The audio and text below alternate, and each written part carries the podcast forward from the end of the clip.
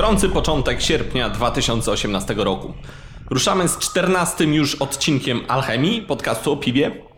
Tradycyjnie zaczyna Mateusz z garścią piwnych wiadomości, następnie mój wywiad z Markiem Kamińskim, współwłaścicielem browaru Kingpin, a także prezesem Polskiego Stowarzyszenia Browarów Rzemieślniczych. I to właśnie na temat stowarzyszenia będziemy głównie skupiać się w naszej rozmowie. W laboratorium druga część chmielenia piwa, tym razem na aromat, którą zaprezentują Olek Janek z browaru Monsters. Ja nazywam się Przemek Iwanek i zapraszam do wysłuchania 14 odcinka Alchemii, podcastu o piwie. Cześć Mateuszu. Cześć, witam Cię Przemku oraz witam wszystkich słuchaczy ponownie w Alchemii. Wyjątkowo ja dziś chciałbym rozpocząć tą część. Mamy bowiem smutną rocznicę. W równie ciepły dzień, dwa lata temu, 8 sierpnia 2016 roku, odszedł od nas Wojtek Trześniowski, nasz kolega, piwowar, rzemieślnik i piwowar domowy. Miałem przyjemność poznać Wojtka na którejś z imprez piwowarów domowych. Potem spotkaliśmy się na różnych imprezach, wyjeżdżaliśmy razem, zdarzyło się gdzieś bywać, byłem też u niego w domu. Wojtek był skromny, nie mówił dużo, ale jednocześnie był bardzo ambitny. Nie mam wątpliwości, chciał być najlepszym piwowarem. Piwowarstwo to w ogóle było jego całe życie. Był młody, ale już sprzedawał sprzęt browarniczy. Szybko został piwowarem w browarze rzemieślniczym. I pewnie zaszedłby daleko, gdyby nie ten tragiczny wypadek w browarze, na skutek którego uległ oparzeniu. Był w szpitalu i wydawało się, że już wszystko idzie ku lepszemu. Myślałem, że wyjdzie z tego. I dostałem ten telefon, byłem na zakupach, gdy zadzwonił do mnie Paweł Leszczyński z informacją, że Wojtek nie żyje. Trudno pozbierać się, gdy odchodzą bliscy, zwłaszcza gdy są to osoby tak młode jak Wojtek, optymistyczne, z poukładanym planem na życie. Dziś myśląc o Wojtku staram się pamiętać o ideach, które mu przyświecały, czyli o ambicji, o chęci bycia najlepszym, niezadowalania się byle czym. Jego pamięci został nazwany warszawski konkurs piw domowych, w którym piwowarze mogą się wykazać swoimi umiejętnościami, tak jak robił to Wojtek, który miał też sukcesy piwowarskie. Tak, ja pamiętam też ten dzień dwa lata temu, to był straszny szok. Akurat tego dnia mieliśmy spotkanie Mazowieckiego Oddziału Terenowego i spotkanie było bardzo smutne, każdy siedział w ciszy i, i tak naprawdę nie, nie dowierzaliśmy, co się stało. Wszyscy znali Wojtka. Wszyscy znali Wojtka. Ja wiedziałem, że jest bardzo dobrym piwowarem domowym, zaangażowanym, też uczestniczył w walnych stowarzyszeniach PSPD, także był zaangażowany nie tylko w sam ruch piwowarów domowych, ale też przy PSPD. I jakby też chcieliśmy w pewnym momencie upamiętnić osobę Wojtka i zdecydowaliśmy się wspólnie razem z rodzicami Wojtka nadać warszawskiemu konkursowi piw domowych po prostu jego imię i jemu też jest poświęcona jedna z kategorii. W zeszłym roku był to Belgian Blond, a w tym roku jest to Belgian Golden Strong Ale, ponieważ Wojtek bardzo lubił belgijskie style. Gdy myślę o Wojtku, myślę też trochę o bezpieczeństwie piwowarów. Nikt nie chce, żeby podobny wypadek zdarzył się ponownie. A wiem, że nierzadko z dbaniem o własne bezpieczeństwo w browarach nie jest najlepiej. Widziałem przedłużacze elektryczne leżące w kołżach wody, szklanki do piwa, którymi odmierza się żrące chemikalia, które stoją w ogóle niezabezpieczone w żaden sposób. Słyszałem mrożące krew w żyłach opowieści o spadaniu z drabin z dużej wysokości, podduszeniu CO2 plus stojącej brzeczce podczas ważenia. Moi drodzy piwowarzy, dbajcie o siebie. Nie zostawajcie nigdy sami w browarze, niech zawsze ktoś będzie, kto będzie wam mógł pomóc w razie niebezpieczeństwa. BHP nie zostało wymyślone po to, żeby robić komuś na złość, a zagrożeń nie brakuje. Nie lekceważcie ich, nawet jak ważycie tylko w domu 20 litrów gotujących się brzeczki może też bardzo dotkliwie oparzyć człowieka, a dla dziecka może być śmiertelnie niebezpieczne. Więc moi drodzy, pamiętajcie o Wojtku i pamiętajcie też o sobie. Chcemy mieć Was całych i zdrowych, abyście mogli dalej słuchać alchemii. Teraz już oddaję mikrofon Tobie, Mateuszu. Dziękuję bardzo Przemku. Na początek wracamy jeszcze do tematu z ostatniego odcinka, czyli przypominamy o Krafty kontra Fas. Jest to inicjatywa Michała Sułkowskiego z kilku słów o piwie. We wrześniu szykuje się spora impreza, do której wiemy, że już dołączają się powoli sklepy i multitapy z, nie tylko z Warszawy, ale też z innych miejscowości. Akcja charytatywna warta wsparcia. Chodzi o dzieci chore na FAS. Polecamy, jeżeli chcielibyście się dołączyć do akcji, a macie jakiś sklep z piwem rzemieślniczym dla piwowarów domowych, czy jakąkolwiek inną działalność i chcielibyście wspomóc Fundację Fasole, to napiszcie koniecznie do Michała. Wrócę także jeszcze do raportu Nielsena z zeszłego odcinka, który został opublikowany w połowie lipca. Otóż jest tam informacja, że sprzedaż piwa spadła o 1,2% w porównaniu do 2017 roku. Bardzo mocno wystrzeliła z trendem wzrostowym sprzedaż piw bezalkoholowych. Tutaj wzrost o 55,8% od 2016 roku, czyli w przeciągu półtora roku. To jest gigantyczny wzrost, słuchajcie, 55%, ponad 50%. I tak zwanych piwnych specjalności, czyli IPA, APA czy stauty, które są związane z piwną rewolucją. Drugim trendem w tej kategorii są, uwaga, cydry smakowe Przemku. Kategoria cydru odnotowuje spadki od 2015 roku, a mimo to, jak wynika z raportu, producenci cały czas eksperymentują z nowymi wariantami w celu ciągłego rozszerzenia półki tej kategorii. Przemku, może skomentujesz jakoś jako specjalista od cydru rzemieślniczego? Ja nie widzę, żeby cydrom rzemieślniczym spadało. Jeśli spada, to pewnie tym dużym firmom, ale czy my się tutaj zajmujemy, ile tam spadło albo wzrosło kompanii czy żywcowi? Myślę, że to są rzeczy dla cydrowników rzemieślniczych nieistotne. Zupełnie inny wolumin, zupełnie inna grupa odniesienia. Myślę, że duże firmy sobie zraziły konsumenta. Pytanie czym? Być może swoim produktem. Ja, z tego co widzę na rynku piw rzemieślniczych, cydr dobrej jakości, czyli też rzemieślniczy ma się bardzo dobrze. Ja ostatnio widziałem taki, mm, nawet miałem okazję spróbować cydr, który był nazwany na etykiecie światowej jakości cydr z polskich jabłek. Wyobraźcie sobie. A poniżej była informacja wytrawny smak. Ale cydr nie był wytrawny, był słodki. Co robią producenci na etykietach, żeby za wszelką cenę sprzedać? No to jest, to jest słabe. Jak się oferuje produkt jakości takiej jak piją menele w Anglii, się próbuje udawać, że to jest produkt wysokiej jakości, no to później ma się takie skutki. Smacznego. Browar Raduga rozpoczął rozlew w nowo otwartym browarze Błonie, czyli browarze innych beczek. Pochwalili się tym na swoim fanpage'u. Oficjalne otwarcie odbędzie się podobno pod koniec sierpnia, tak ćwierkają różne ptaszki. Całkiem spory browar, jak na browar rzemieślniczy, tanki 90. Tak, i ma być ich nawet prawie 50, z tego co słyszałem. Z dużym rozmachem. Kolejne puszki w polskim krafcie, tym razem w Bariensztacie. Tutaj warto nawiązać do browaru Jana, który wypuścił w tym roku kilka piw w małych puszkach, m.in. Pils, chyba to była Wit IPA. Ptaszki ćwierkają, że do puszkowania niestandardową metodą szykuje się browar Rockmill. Czy ty Przemku wiesz o co chodzi? Ja myślę, że to jest bardzo fajny trend i skoro za granicą puszki sprzedają się świetnie, myślę, że w Polsce również będą się w krafcie dobrze sprzedawać. Rozmawialiśmy już o tym jakiś czas temu. Ja też trzymam kciuki za upowszechnienie się wielkości 0,33 w związku z puszkami. No tak, popieramy puszki, bo to jest świetne opakowanie do przewożenia piwa, które nie powoduje zbytniego utlenienia. Jest też przede wszystkim lekkie, więc odchodzi kaso za dystrybucję. Jeśli się nie natleni przy rozlewie, bo to też może spotkać puszkę. No, to już inna sprawa. Zamyka się artezan Multitap. To nie pierwsza sytuacja w Warszawie, że zamyka się bar z piwem rzemieślniczym, bo wcześniej zamykały się już m.in. hopsters czy piskowcy rozkoszy. Ale jest to pierwsza sytuacja, gdzie zamyka się multitap browaru w Warszawie. I pytanie, Przemku, co ty sądzisz, dlaczego tak się dzieje? Ja mam kilka typów. No, też mam kilka typów.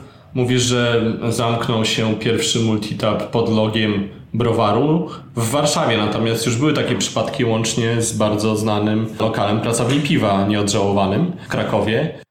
W Warszawie, no cóż, najczęściej bywa to tak, że się nie zgrywają koszty z przychodami, prawda? Czyli wysokie koszty, które są w Warszawie, pierwszy najmu lokalu, po prostu się często nie spina z przychodami. I no właśnie, tylko przyczyna upadania lokali w Warszawie. Tylko też weźmy pod uwagę to, że koszty wynajmu w Warszawie w centrum są mniej więcej takie same.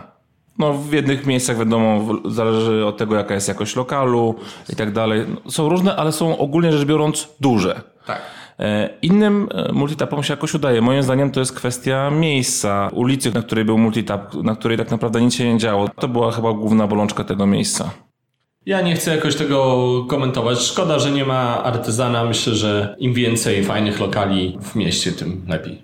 Może otworzą się po prostu w innym miejscu. Zobaczymy. Zaprezentowano finalistki konkursu Miss Chmielaków 2018. Już teraz można głosować na kandydatki w konkursie SMS-owym na Miss Internetu. To po raz drugi wspominam o tym nie bez powodu, bo uważam, że takie zabiegi nie są potrzebne w dzisiejszych czasach. Chyba troszeczkę powinno być w dobie rozwiniętego marketingu mniej szczucia cycem.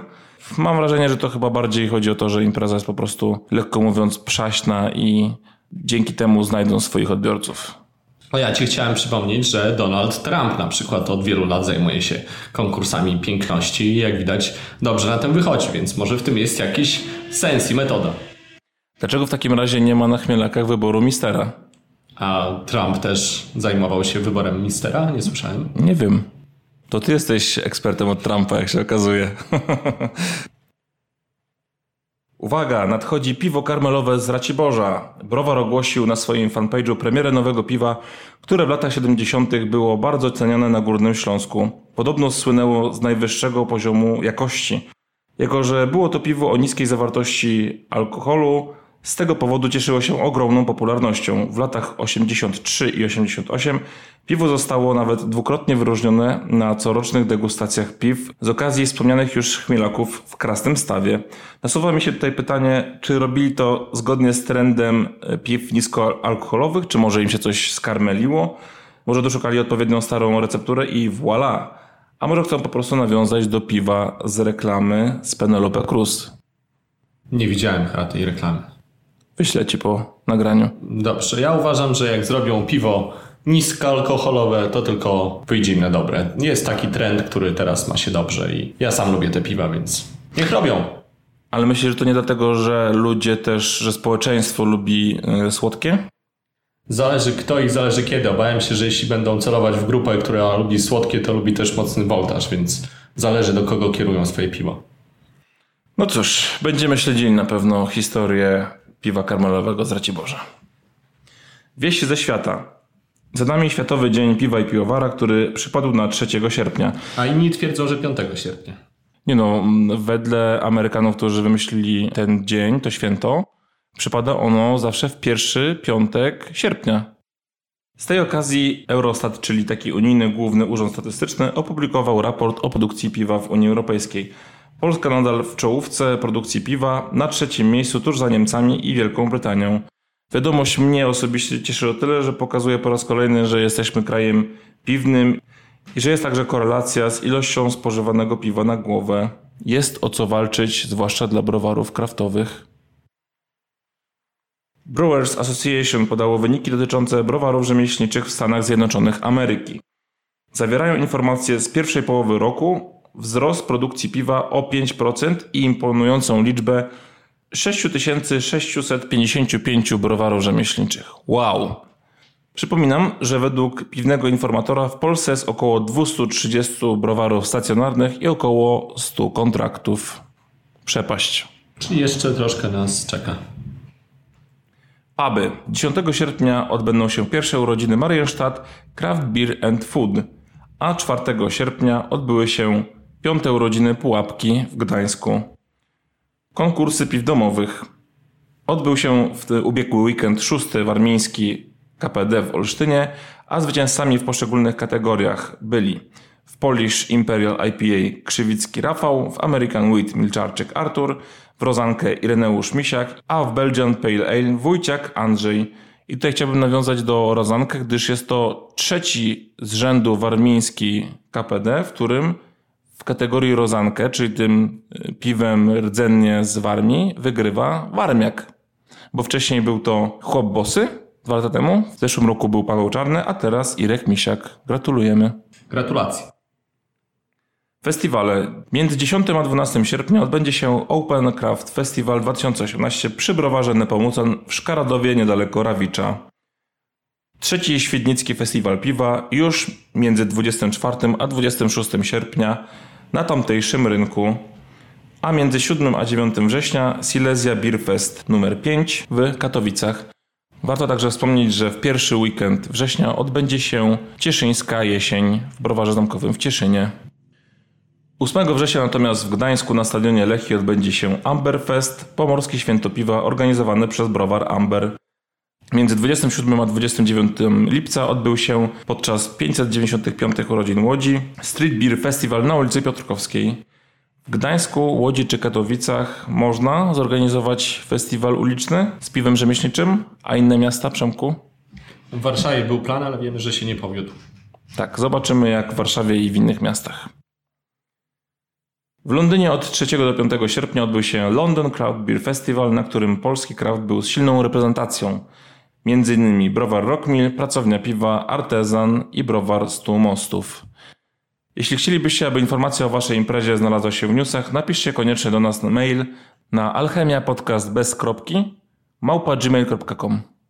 Dziękuję, tyle informacji newsowych ode mnie. Dziękuję Ci bardzo, Mateuszu. Zapraszam zatem teraz do wysłuchania rozmowy z Markiem Kamińskim z browaru Kingpin i z Polskiego Stowarzyszenia Browarów Rzemieślniczych. Po raz drugi jestem w Poznaniu w centrali piwnej. Jaka to jest ulica, Adam? Mickiewicza. Mickiewicza. Przy ulicy Mickiewicza jest ze mną Marek Kamiński. Cześć Marku. Cześć, witam Cię Przemku, czołem. Marek Kamiński, czyli jeden ze współwłaścicieli Kingpina, tak. a także prezes PSBR, czyli Polskiego Stowarzyszenia Piwowarów Browarów. Browarów Rzemieślniczych, tak PSBR. Jest. Tak jest. Browarów Rzemieślniczych. No właśnie, może zaczniemy od tego. Mhm. Jak się czujesz jako prezes? Czy wiesz, to nie, jest, to nie jest jakaś funkcja dla mnie nowa. Ja mam swoje lata, ja się wywodzę z biznesu i wiele rzeczy przed piwowarstwem, wiele rzeczy w biznesie robiłem, także. Natomiast pytasz konkretnie o, e, o stowarzyszenie. Funkcja jest na pewno zaszczytna, na pewno jest e, odpowiedzialna, czego, e, co zaczynam coraz mocniej odczuwać. Natomiast ja myślę, że to też, wiesz, mój wybór na to stanowisko był spowodowany głównie tym, że ja byłem w takim wąskim gronie osób, które wzięły na swoje barki doprowadzenie do założenia tego stowarzyszenia. Ja troszeczkę na swoje barki z kolei osobiście wziąłem kwestie formalne związane z napisaniem projektu statutu, wszystkich pozostałych dokumentów, zorganizowaniem zebrania założycielskiego, przejścia tak naprawdę przez wszystkie te formalności, które są wymagane do założenia stowarzyszenia. No i w związku z tym myślę, że trochę na, na zasadzie, skoro już się za to zabrałem, no to na tej zasadzie też zebrani członkowie, założyciele stowarzyszenia postanowili powierzyć mi tą funkcję. Natomiast ja jestem absolutnie przekonany, że w naszym gronie, w gronie członków, e, założycieli stowarzyszenia mamy wiele innych osób, które doskonale by sobie też z tą funkcją poradziły. Bardzo dyplomatycznie z twojej strony.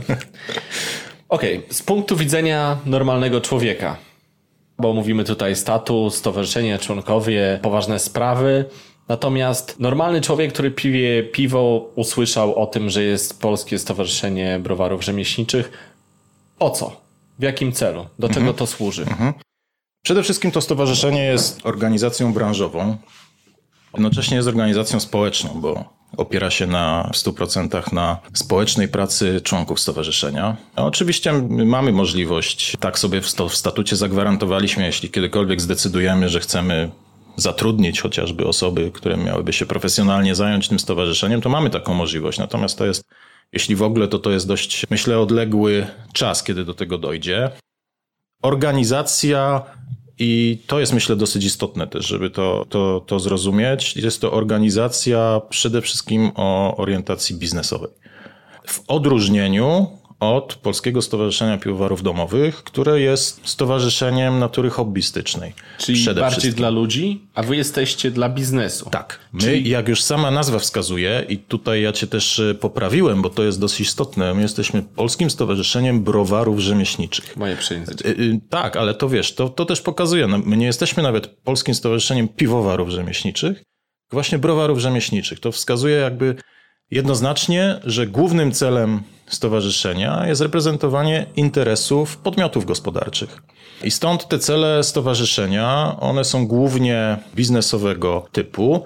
Oczywiście one się nie ograniczają tylko do rzeczy stricte gospodarczych, bo wśród tych celów są kwestie związane z promocją browarów polskich, browarów rzemieślniczych, piw e, wychodzących z tych browarów, kwestie związane z promowaniem wartości w ogóle piwowarstwa rzemieślniczego i tych wartości, które przez browary rzemieślnicze są e, reprezentowane.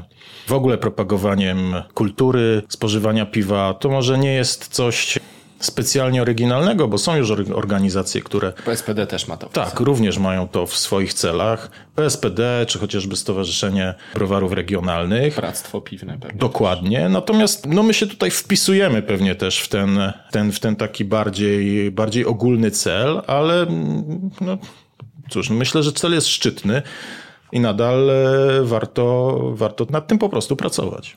Okej, okay, ale dla takiego przeciętnego człowieka, który pije piwo, czy stowarzyszenie w jakikolwiek sposób przełoży się na jego życie? Nie musi.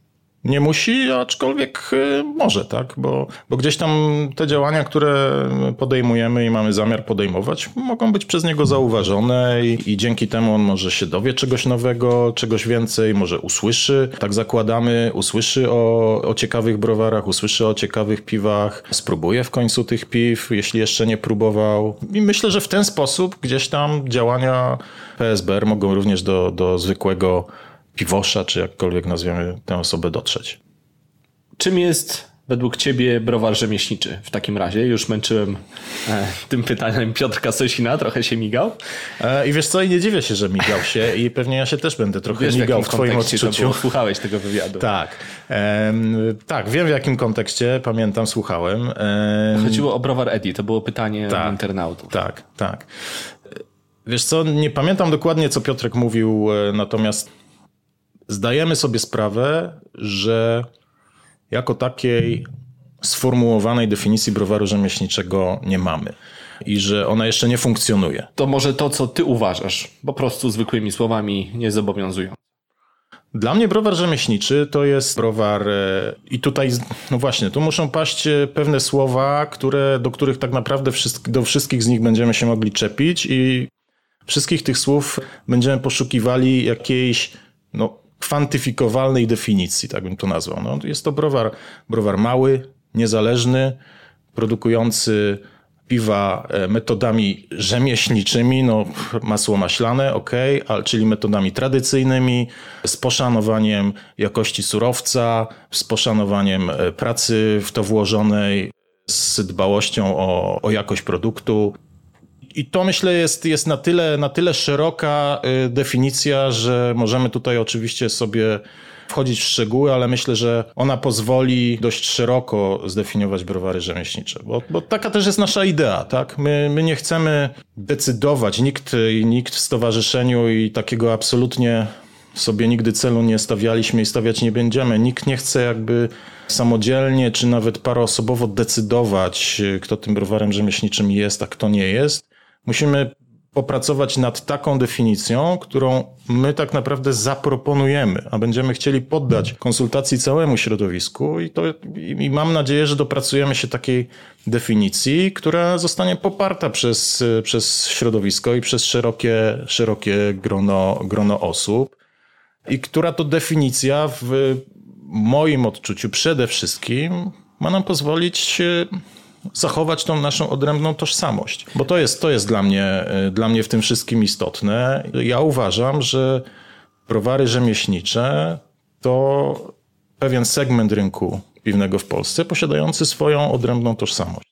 I dlatego powstało też to stowarzyszenie, y, Między innymi dlatego, że chcemy po prostu zachować tą, tą odrębną tożsamość, chcemy ją promować, chcemy te wartości pokazywać i promować, tak?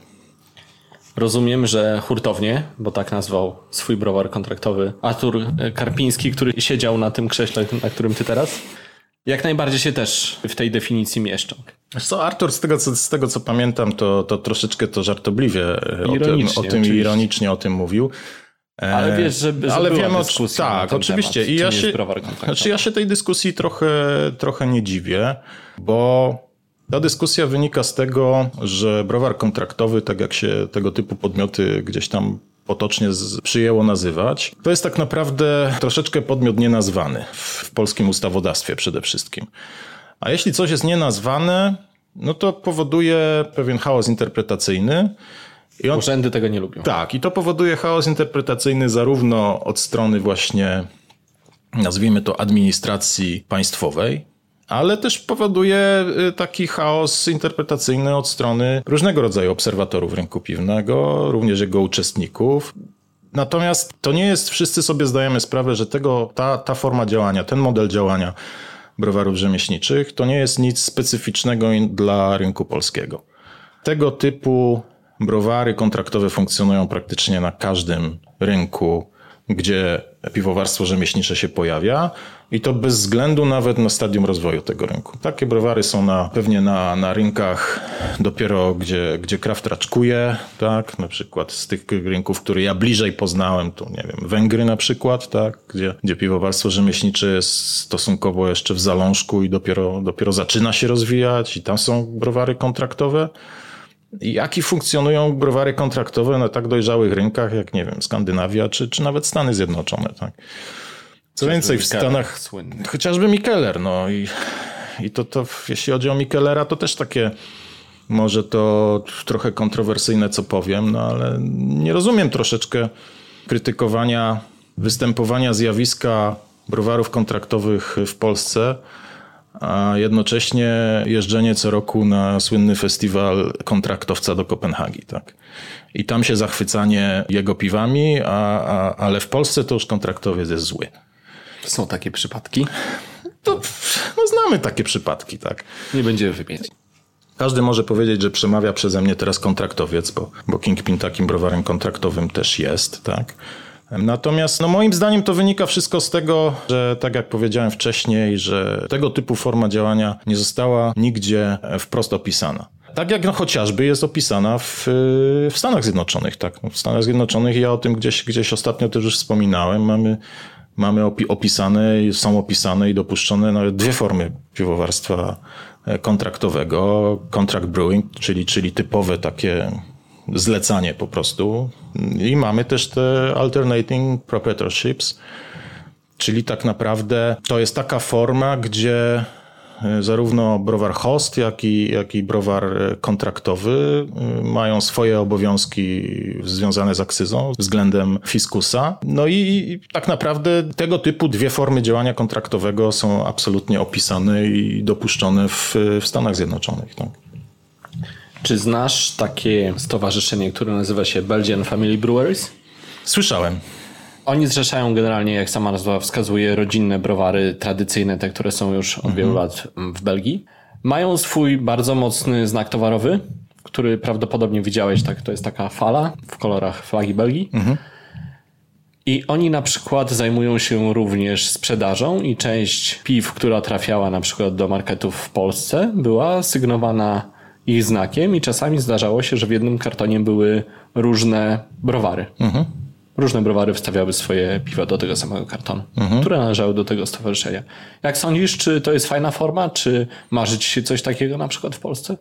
Czy to jest przyszłość jakaś PSBR? Pomijając y, pewien, no y, okej, okay, nie, nie skupiajmy się na teraźniejszości. PSBR nie prowadzi działalności gospodarczej w tej chwili, ale to oczywiście może się zmienić, tak, w przyszłości. Więc... Nie mówię nawet o tych samych mhm. prawda, kartonach i samej sprzedaży, ale znak towarowy, że na przykład, wiesz, polskie piwa rzemieślnicze, coś takiego. Czy ja myślę, że my jesteśmy bliżej czegoś takiego, jak chociażby robi Brewers Association w Stanach Zjednoczonych, z tym znakiem tej odwróconej butelki Independent Brewery. I podobny model... Czyli też mają swój znak. Tak, tak. Mhm. I, I to jest ogromny sukces. I oni wystartowali z tym relatywnie niedawno, a, a jak ja to obserwuję, to to jest ogromny sukces na tamtym rynku.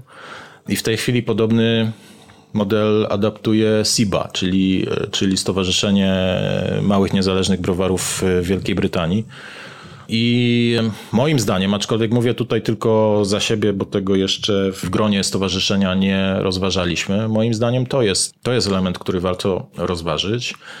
Oznaczanie po prostu piw rzemieślniczych pewną, pewnym znakiem, pewną pieczęcią wspólną dla wszystkich, którą, która daje pewną platformę dodatkową do promocji wspólnej z jednej strony, a która pozwala też no, przynajmniej próbować, tak, dzięki też tej, tej promocji, edukacji, pokazywać i odróżniać tak naprawdę piwa rzemieślnicze od piw, które tymi piwami rzemieślniczymi chciałyby tylko być, bo je, je udają, tak? Dobre piwo.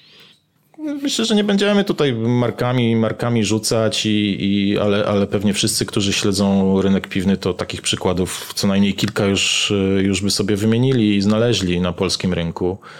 Powiem tak, z jednej strony, ze strony biznesowej, to tego typu działanie jest oczywiście, ono występuje wszędzie, ono będzie występować i ono od strony biznesowej pewnie jest absolutnie e, zrozumiałe. No, dla powiedzmy no, browarów nierzemieślniczych, czyli dla browarów większych, które posługują się przede wszystkim rachunkiem ekonomicznym w swojej działalności, rachunkiem kosztów i, i, i pewnymi udziałami w rynku i tego typu celami no to pewnie, że piwowarstwo rzemieślnicze jest jakimś kolejnym trendem czy modą, pod którą warto się podczepić, podłączyć, bo można też coś dla siebie na tym ugrać, tak? Ale z drugiej strony to też pokazuje właśnie, jak różna tożsamość jest i jak różne wartości wyznawane są przez browary rzemieślnicze, a browary, czy to koncernowe, czy, czy większe browary, jednak myślę, no w naszym piwowarstwie rzemieślniczym przede wszystkim kierujemy się innymi kwestiami niż oczywiście wszyscy prowadzimy biznesy i, i uwaga, uwaga, złe słowo, wszyscy na tym chcemy zarabiać, tak? Natomiast Polsce, nad, no, trudno, przykro mi, no, jeśli kogoś rozczarowałem, ale nie są to z drugiej strony, żeby uspokoić, powiem, że absolutnie nie są to kokosy. Natomiast są to przedsięwzięcia też, też e, gospodarcze. Natomiast to, co nas wyróżnia i to, co stanowi o tej naszej tożsamości, to jest właśnie podejście do produktu. Tak? bezkompromisowe w znaczącej mierze, przede wszystkim z dbałością o, o jakość, z dbałością o, o efekt, jaki sobie piwowar założył i zaplanował, jaki chce osiągnąć i niekalkulowanie tak naprawdę, co ja mogę ugrać i, i, nie wiem, i pod jaki trend się podłączyć, żeby żeby na jakiejś fali popłynąć, tak? I w, w tym względzie może taka pieczęć i, i taki, taki jakiś znak wyróżniający browary rzemieślnicze może, może byłby ciekawym. Ilu jest członków PSBR? Ostatnie pytanie o PSBR. Cały czas jest 25 członków założycieli. Relatywnie niedawno skierowaliśmy zaproszenia do, do dołączenia do stowarzyszenia przez nowych członków. Jesteśmy już w tej chwili absolutnie przygotowani i otwarci na przyjmowanie nowych członków. No i zapraszamy wszystkich i czekamy na zgłoszenia. Mam do Ciebie pytanie. Czy Ty się nie boisz tego, że tam, gdzie jest dwóch Polaków, tam są trzy znania? Czy Ty się nie boisz tego, że będziesz miał 37 różnych zdań, szybko policzyłem i pół, i że nagle nie będzie można się dogadać? Wiesz, jaki jest problem z Polakami? Wiesz co, ale to już tak jest. Trochę. Czy, czy ty się e... właśnie tego nie boisz, bo się wziąłeś może za trudną sprawę, Marku? Wiesz co? Znaczy z jednej strony się boję, znaczy boję się może nie sam, wystąpienia samej takiej sytuacji, występowania takich sytuacji, bo, bo ja jestem na nie przygotowany w pewnym sensie.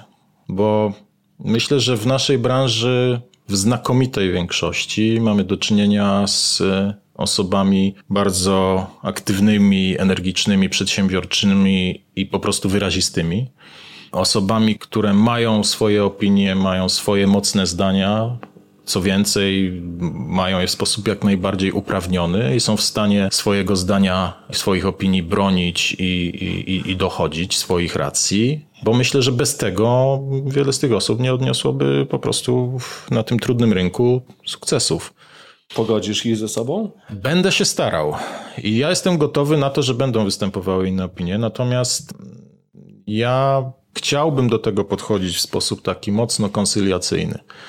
Naprawdę staram się mocno, nie chciałbym e, nikogo skłócać, dlatego tak jak widzisz, gdzieś tam wspomniałeś, że gdzieś tam dyplomatyczna wypowiedź czy coś takiego.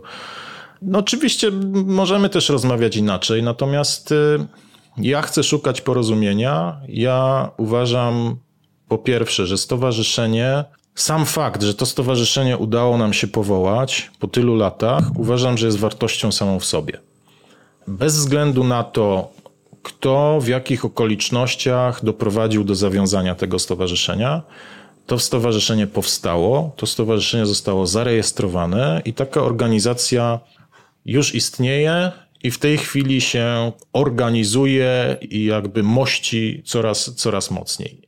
Po drugie, i to jest dla mnie to jest wartość sama w sobie, nie związana, jak powtarzam, z ludźmi, którzy są teraz, bo moim celem i moją ambicją i moim, moim marzeniem jest, żeby do tego stowarzyszenia przystąpiło no może nie wszystkie, tak, bo to będzie, to, to, to by graniczyło z cudem, ale żeby do tego stowarzyszenia przystąpiła znakomita większość polskich browarów rzemieślniczych, po to, żeby faktycznie to stowarzyszenie mogło z pełną jakby z świadomością i z podniesionym czołem nazywać się reprezentantem całego środowiska.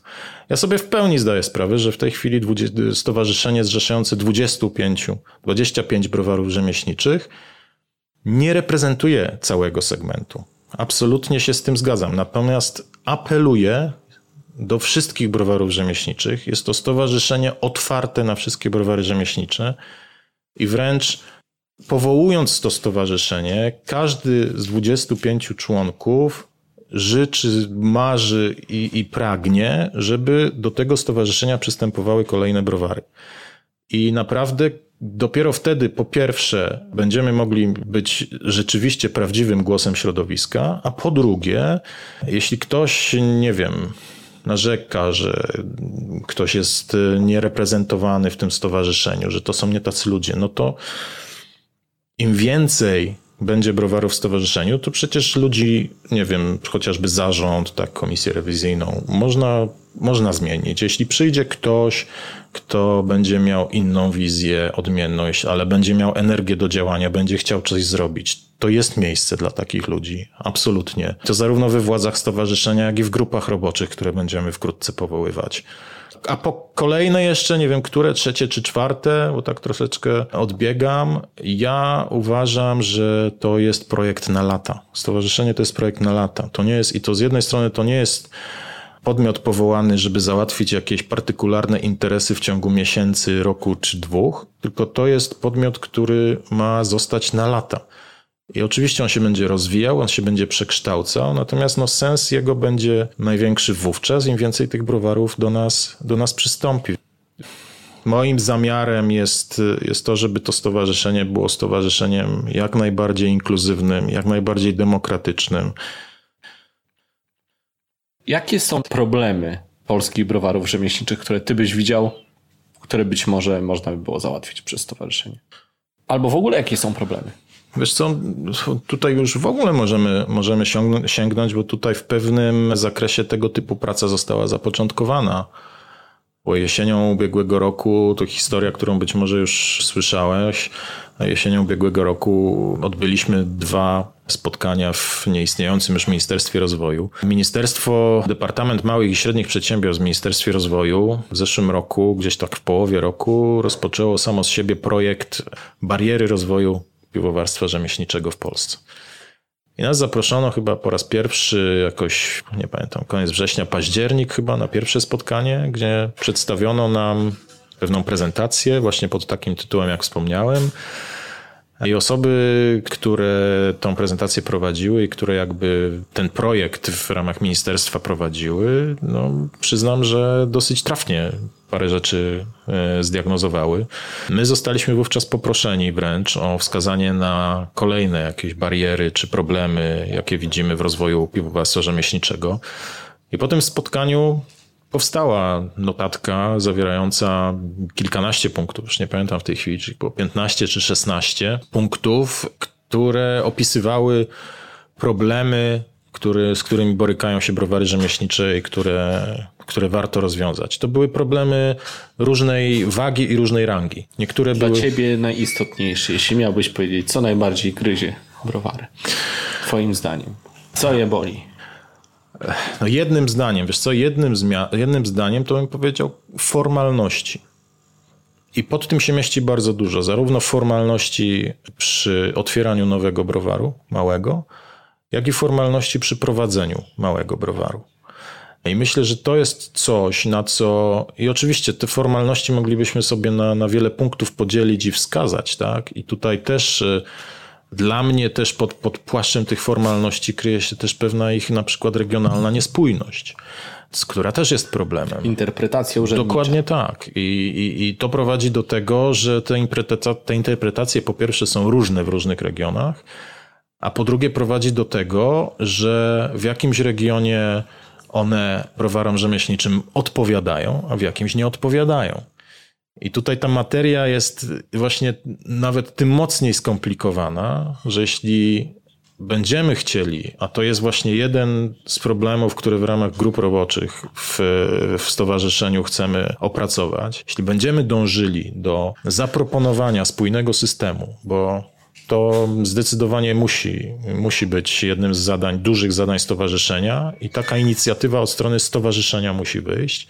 Jeżeli będziemy dążyli do opracowania spójnego systemu, którego celem będzie uproszczenie pewnych procedur i likwidacja pewnych formalności, które są niejednokrotnie zbędne, zbyt skomplikowane, zawiłe, to może się okazać, wracając tutaj do, do wątku, który poruszyłeś wcześniej, że dla kogoś to, nie wiem, wypracowany kompromis y, będzie bardziej y, zadowalający, dla kogoś będzie mniej zadowalający. Tak? No będziemy, będziemy o tym rozmawiać, zobaczymy jak to w praktyce wyjdzie. Natomiast jakby jednym, jednym zdaniem, jeśli tak nie poprosiłeś, to uważam, że to przeformalizowanie prowadzenia tego rodzaju działalności w takiej skali, w jakiej prowadzą browary rzemieślnicze, myślę, że jest największym problemem. Dobrze, zostawmy już na razie ogólnie browary rzemieślnicze, mhm. nie porzucając tematu browarów rzemieślniczych. Zagranica. To jest trochę temat tabu, bo wiele browarów sprzedaje, wiele browarów chciałoby sprzedawać za granicę, mhm. a tak naprawdę ja na przykład wiem na ten temat mało i myślę, że nasi słuchacze też nie wiedzą za dużo, co najwyżej znajdą gdzieś za granicą polskie piwo. Domyślam się, że jest to opłacalne, natomiast powiedz mi, jak bardzo interesujący jest ten kanał sprzedaży. Czy warto iść w sprzedaż na zagranicę? Uchyl rąbka tajemnicy. Wiesz co, ja myślę, że na to musi sobie odpowiedzieć, każdy browar na to sobie musi odpowiedzieć jak bo osobno. sprzedajecie trochę, prawda? Ja bym powiedział, że my nawet dosyć dużo sprzedajemy, bo my sprzedajemy około jednej czwartej tego, co ważymy, sprzedajemy za granicę. Przynajmniej no, tak, tak to było do, dotychczas, do tej pory, bo to też y, jedna rzecz, o której będę chciał powiedzieć, to, że ta sprzedaż zagraniczna, ona nie jest tak jakby raz na zawsze dana. Tak? I to z paru kwestii wynika. Dlatego też na to pytanie myślę każdy browar musi sobie odpowiedzieć samodzielnie. Od strony ekonomicznej, no myślę, że biorąc pod uwagę niską cenę piw rzemieślniczych w Polsce, narażam się pewnie niektórym po raz kolejny. No to już padły te no sformułowania, właśnie. że piwo jest za tanie. To tego typu sprzedaż jest opłacalna, tak? I ona jest opłacalna dla obu stron transakcji, bo dla polskiego browaru sprzedającego za granicę, no jest to kolejny jakby kanał i rynek zbytu. Nawet sprzedając po gdzieś tam po cenach, nie wiem, które, które są ekwiwalentem cen krajowych w, w euro, tak, no to, to, y, to jest to jakby kolejny rynek zbytu. Natomiast dla drugiej strony transakcji, dla kupującego, no jest to po prostu tanie piwo, tak? które wprowadzając na swój rynek lokalny, zwłaszcza jest to, jeśli jest to Europa Zachodnia, ale nie tylko Europa Zachodnia, bo również rynki Europy Centralnej i Wschodniej są rynkami, na których piwa rzemieślnicze są, są znacząco droższe niż w Polsce. To znowu mogę powiedzieć z tych rynków, które poznałem, chociażby Węgry czy Litwa. Nie wspominając o Estonii na przykład no to dla takiego kupującego to jest możliwość po prostu wygenerowania pewnie jakiejś dodatkowej sobie marży handlowej na, na takim sprowadzaniu polskiego piwa. To, co jest charakterystyczne, myślę też dla rynków zagranicznych, przynajmniej w naszym przypadku, ale myślę, że potrafię sobie, potrafię sobie wyobrazić, że w przypadku większości browarów tak może być. To są naprawdę fajne i ciekawe preferencje w różnych państwach.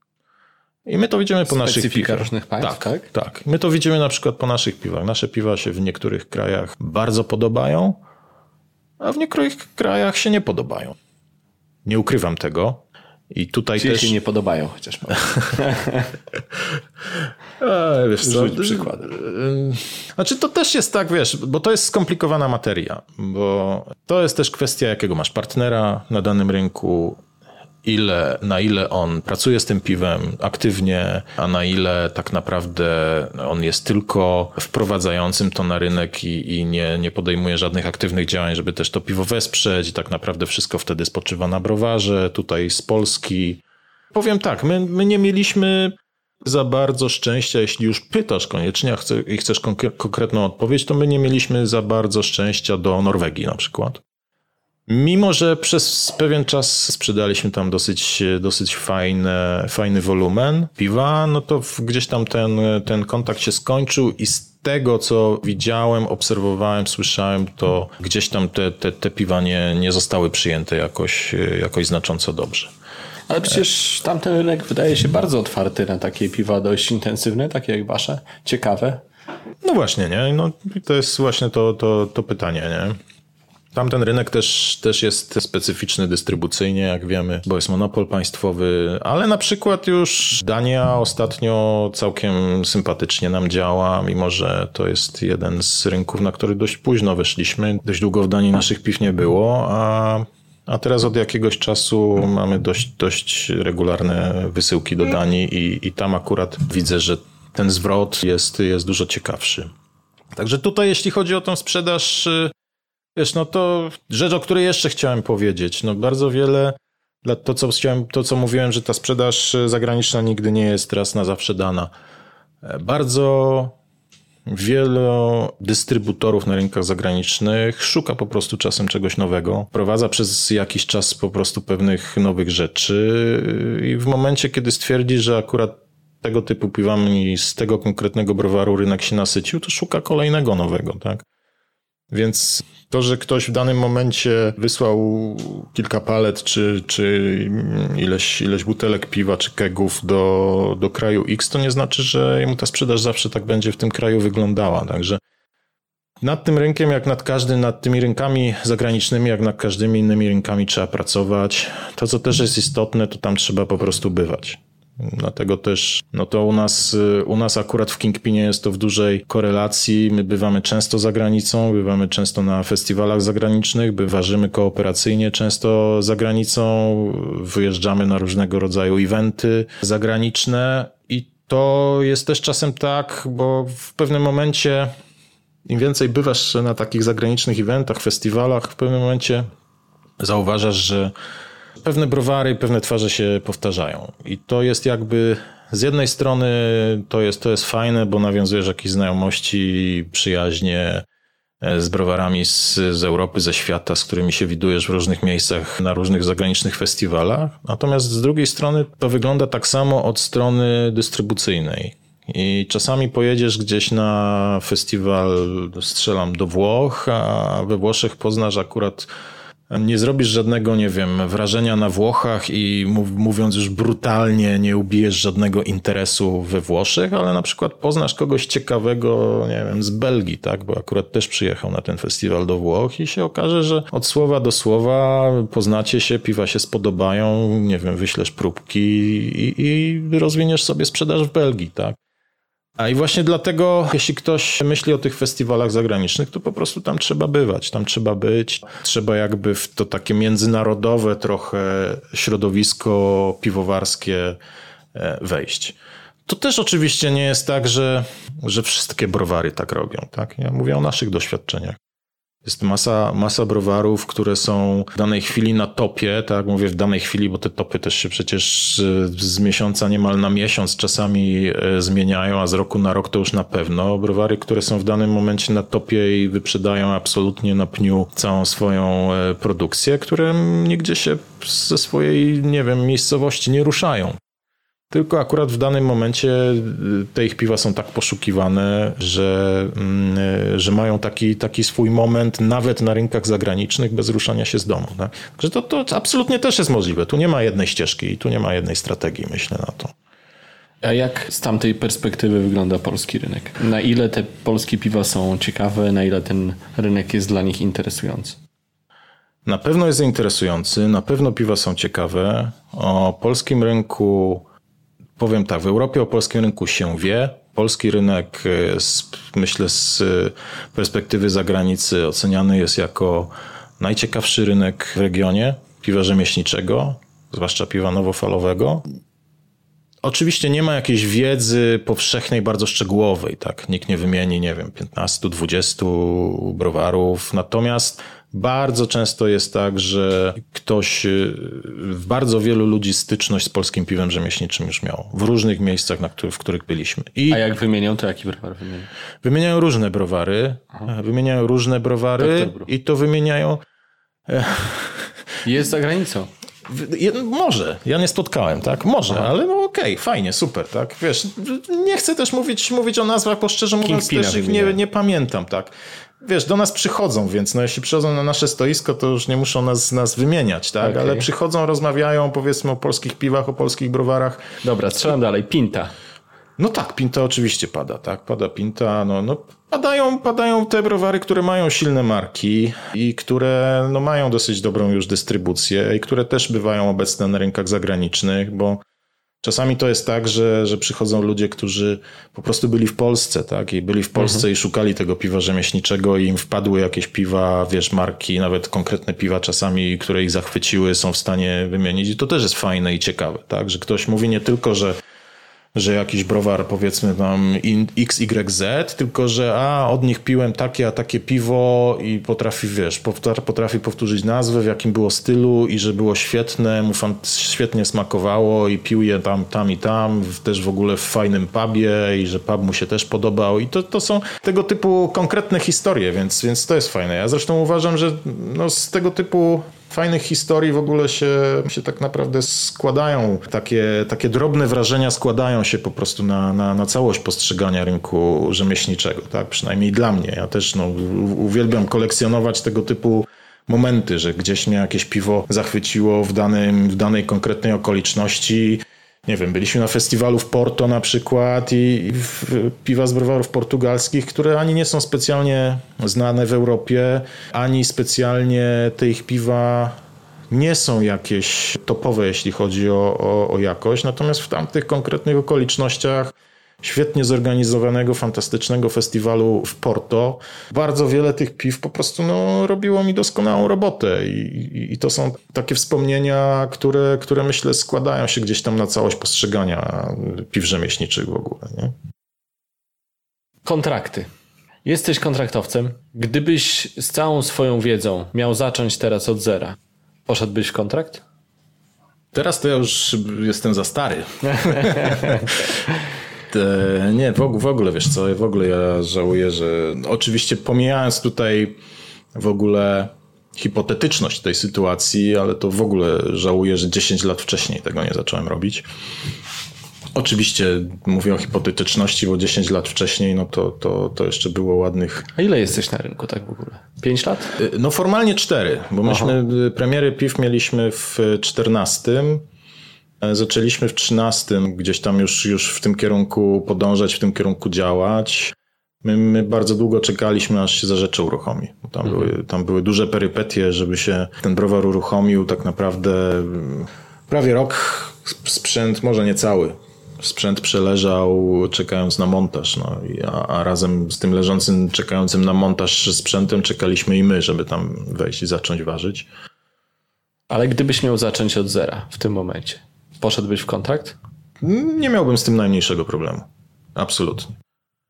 E, oczywiście robienie w tej chwili kontraktu jest zupełnie czym innym niż robienie kontraktu jeszcze parę lat temu. Tak? I, I, w tej chwili jest to na pewno trudniejsze zadanie. Trzeba być do tego lepiej przygotowany. Trzeba zwrócić uwagę na, na, na wiele rzeczy i dużo więcej niż, niż jeszcze kilka lat temu. Natomiast jeśli twoje pytanie, pytając, czy teraz, gdybym zaczynał, wszedłbym w kontrakt, to jeśli bym posiadał tą wiedzę, którą już mam i miał teraz zaczynać, to tak, zdecydowanie tak. Zdecydowanie tak. A bez wiedzy? Polecasz komuś wchodzenie? Nie, absolutnie nie. Czy ja myślę, że wchodzenie bez wiedzy w cokolwiek jest przedsięwzięciem no, dosyć karkołomnym co najmniej i ogromnie ryzykownym. Oczywiście każdy sobie kalkuluje ryzyko względem swoich preferencji, poziomów, jakie akceptuje tego ryzyka i, i, i tego, co lubi, tak? Natomiast myślę, że w tej chwili bez wiedzy, no w ogóle myślę, nie warto tak w cokolwiek wchodzić. Ja mam taką naturę, że ja jeśli za coś chcę się zabrać i za coś się zabieram, to się temu poświęcam w 100%. I robię wszystko, co mogę, żeby w tym kierunku się, się rozwijać, w tym kierunku się e, kształcić, żeby zdobywać coraz e, to nowszą wiedzę. Więc ja bym w ogóle żadnej, myślę, działalności nie, nie zaryzykował, nie posiadając wiedzy. Ja bym po prostu tą wiedzę chciał najpierw zdobyć i, I myślę, że w tej chwili przed otwarciem kontraktu, browaru kontraktowego, no to w szczególności trzeba, trzeba już tą pokaźną wiedzę, w tą pokaźną wiedzę trzeba się wyposażyć. Kingpin. Macie od pewnego czasu drugą linię produktową, mogę tak to nazwać. Operujemy ekonomicznymi wyrażeniami dzisiaj mocno. Pytanie bardzo proste. Czy Kingpin wypuści Pilsa? Bardzo możliwe. Czy powiem tak, no. Dziesiąteczkę taką. Nie, nie, nie stawialiśmy, nie stawiamy sobie tego, jak i nie, żadnych innych rzeczy nie stawialiśmy sobie jak nigdy za jak, jakiś tam punkt honoru, że musimy zrobić piwo takie, że musimy takie, a takie mieć w portfolio i tak dalej. Nie, raczej, raczej tym się nie kierujemy te piwa, które, które ważymy w danym momencie, czy w danym jakimś krótkim okresie, zdarza się, że, że w jakimś krótkim okresie ważymy same IPA. Zdarza się, że, że przeplatamy to jakimiś innymi piwami. No to też zależy, co nam się podoba w danym momencie, na co mamy ochotę. I teraz, teraz na przykład mamy taki okres, że, że nam się z powrotem różnego rodzaju IPA bardzo podobają, więc, więc tych propozycji mamy, mamy dość sporo i, i, i w sierpniu pojawią się kolejne e, nowości od nas, właśnie IPA. Pilsa na razie nie uważyliśmy, na razie w jakichś bezpośrednich planach nie mamy. Bo i nie stawiamy tego sobie jako za jakiś tam punkt, punkt honoru. Modny temat ostatnio trochę. Tak, zdaję sobie sprawę, że modny temat, ale tak samo modnym tematem ostatnio są, nie wiem, piwa bezalkoholowe na przykład. Też na razie nie mamy jakby takiego tematu u nas. Co więcej, tak. Modnym tematem są piwa, nazwijmy je niskoalkoholowe, bardzo sesyjne. No te piwa sesyjne, które my zrobiliśmy, no to jednak to są piwa, które gdzieś tam te, te 4-5% mają, więc takie specjalnie niskoalkoholowe nie są. One są może lżejsze, jeśli chodzi o ciało. I, I faktycznie może mają tego alkoholu mniej niż takie 7% IPA, ale, ale no nadal nie jest to powiedzmy 2,3 czy 2,5%, tak jak się powiedzmy gdzieś tam tradycyjnie te niskoalkoholowe maksymalnie rozumie. Także powiem Ci uczciwie, na chwilę obecną i mówię, mówię absolutnie szczerze i uczciwie, nie wiem, czy uważamy Pilsa. A kto decyduje o tym Kingpinie? Decydujemy wspólnie. Decydujemy wspólnie i my pracujemy tak, że rozmawiamy sobie o różnych piwach, rozmawiamy czasem o piwach, które gdzieś tam nas zainspirowały, które spróbowaliśmy gdzieś piwa, które nie wiem, które znamy, które na przykład są, są już na rynku, są dość popularne. Rozmawiamy sobie skąd ta popularność na przykład wynika. Rozmawiamy sobie właśnie pod kątem, nazwijmy to sensorycznym, o, o piwach, tak, co nam się w jakich piwach podoba, co nam się nie podoba. I z tego często się rodzą jakieś takie takie rzeczy, które, które stwierdzamy, że no takie w zasadzie takie, a takie piwo to fajnie by było, jakbyśmy, jakbyśmy zrobili. No oczywiście mm, też nie jest tak, że ważymy absolutnie wszystko, co gdzieś tam ktoś rzuci, bo, bo gdzieś tam na to powiedzmy filtr biznesowy też jest nakładany, nie da się ukryć bo chcemy tego to piwo ważyć też dla ludzi przede wszystkim, nie tylko dla siebie. Oczywiście chcemy, żeby to piwo nam się podobało przede wszystkim, ale chcemy też, żeby się podobało ludziom, a żeby to piwo ludziom się miało podobać, no to musimy tego piwa po prostu te 50 hektolitrów sprzedać. My ważymy w zarzeczu na, na warzelni o wybiciu 50 hektolitrów. To dla niektórych stylów piwnych jest sporo po prostu. I my czasami mamy jakieś, jakieś pomysły naprawdę, które wydają się ciekawe, ale gdzieś koniec końców stwierdzamy, kurczę, no ale to te 50 hektolitrów, to takiego akurat piwa, to, to może być problem, żeby to ludzie tego tyle, no bo ludzie chcą trochę czego innego, tak. Więc, więc ten aspekt y, absolutnie szczerze również bierzemy zawsze pod uwagę. Ostatnie pytanie. Czego Ci życzyć, Marku?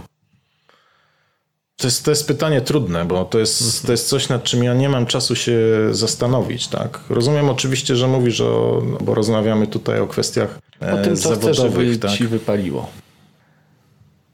Chciałbym, żeby wypaliły w zasadzie wszystkie kwestie, kwestie piwne, którymi się zajmuję. Tak? Czyli chciałbym, żeby, żeby nadal rozwijał się Kingpin, żebyśmy się rozwijali tak jak do tej pory, żeby nam to sprawiało cały czas frajdę, bo myślę, to jest w tym wszystkim istotne. My sobie wielokrotnie powtarzamy, że nie robimy tego dlatego, że musimy. I ja i Michał mamy taki bagaż doświadczeń i takie kompetencje, że tak naprawdę Gdybyś nie, gdybyśmy nie robili Kingpina, to byśmy nie mieli problemu ze znalezieniem sobie zajęcia, więc nie robimy tego dlatego, że musimy. Robimy to dlatego, że chcemy i, i że sprawia nam to frajdę, mimo że jest to ciężka praca. I myślę, że zachowania takiego podejścia na pewno, na pewno mógłbyś mi życzyć, bo chciałbym, żeby to tak cały czas się odbywało. No i powodzenia też w innych projektach. Projekt stowarzyszenia, który zdaje sobie sprawę, że w pewnym sensie firmuje swoim nazwiskiem, chociażby ze względu na funkcję, na jaką mnie członkowie stowarzyszenia powołali. Aczkolwiek ja to traktuję jako absolutnie pracę zespołową i, i absolutnie dobro wspólne. I bardzo bym chciał, żeby stowarzyszenie się rozwijało, żeby dochodzili do nas kolejni członkowie. I tu możesz naprawdę trzymać kciuki i życzyć, żeby coraz więcej browarów do tego stowarzyszenia dołączało. No i, i co? No i kolejna, kolejna trzecia rzecz, o której nie mówiliśmy w sumie, to też y, nie ukrywam, że coraz większą frajdę odnajduję w y, kwestiach sędziowskich, zwłaszcza w, w BJCP. Także tutaj też widzę dla siebie pewną ścieżkę swojego osobistego rozwoju i też możesz, możesz życzyć, żeby, żeby to się potoczyło tak, jakbym chciał. Więc życzę Ci jak najlepiej. Niech te wszystkie rzeczy Ci się pospełniają. Dziękuję Ci bardzo za rozmowę. Dzięki wielkie. Wywiad dobiegł końca. Tymczasem coś dzieje się w mrocznych piwnicach alchemii. Dwie lekko przerażające, acz niewielkie, postaci przerzucają coś łopatami. Wygląda to na szyszki chmielu. To monstersi, czyli Janek i Olek. Chyba już pora przejść do laboratorium.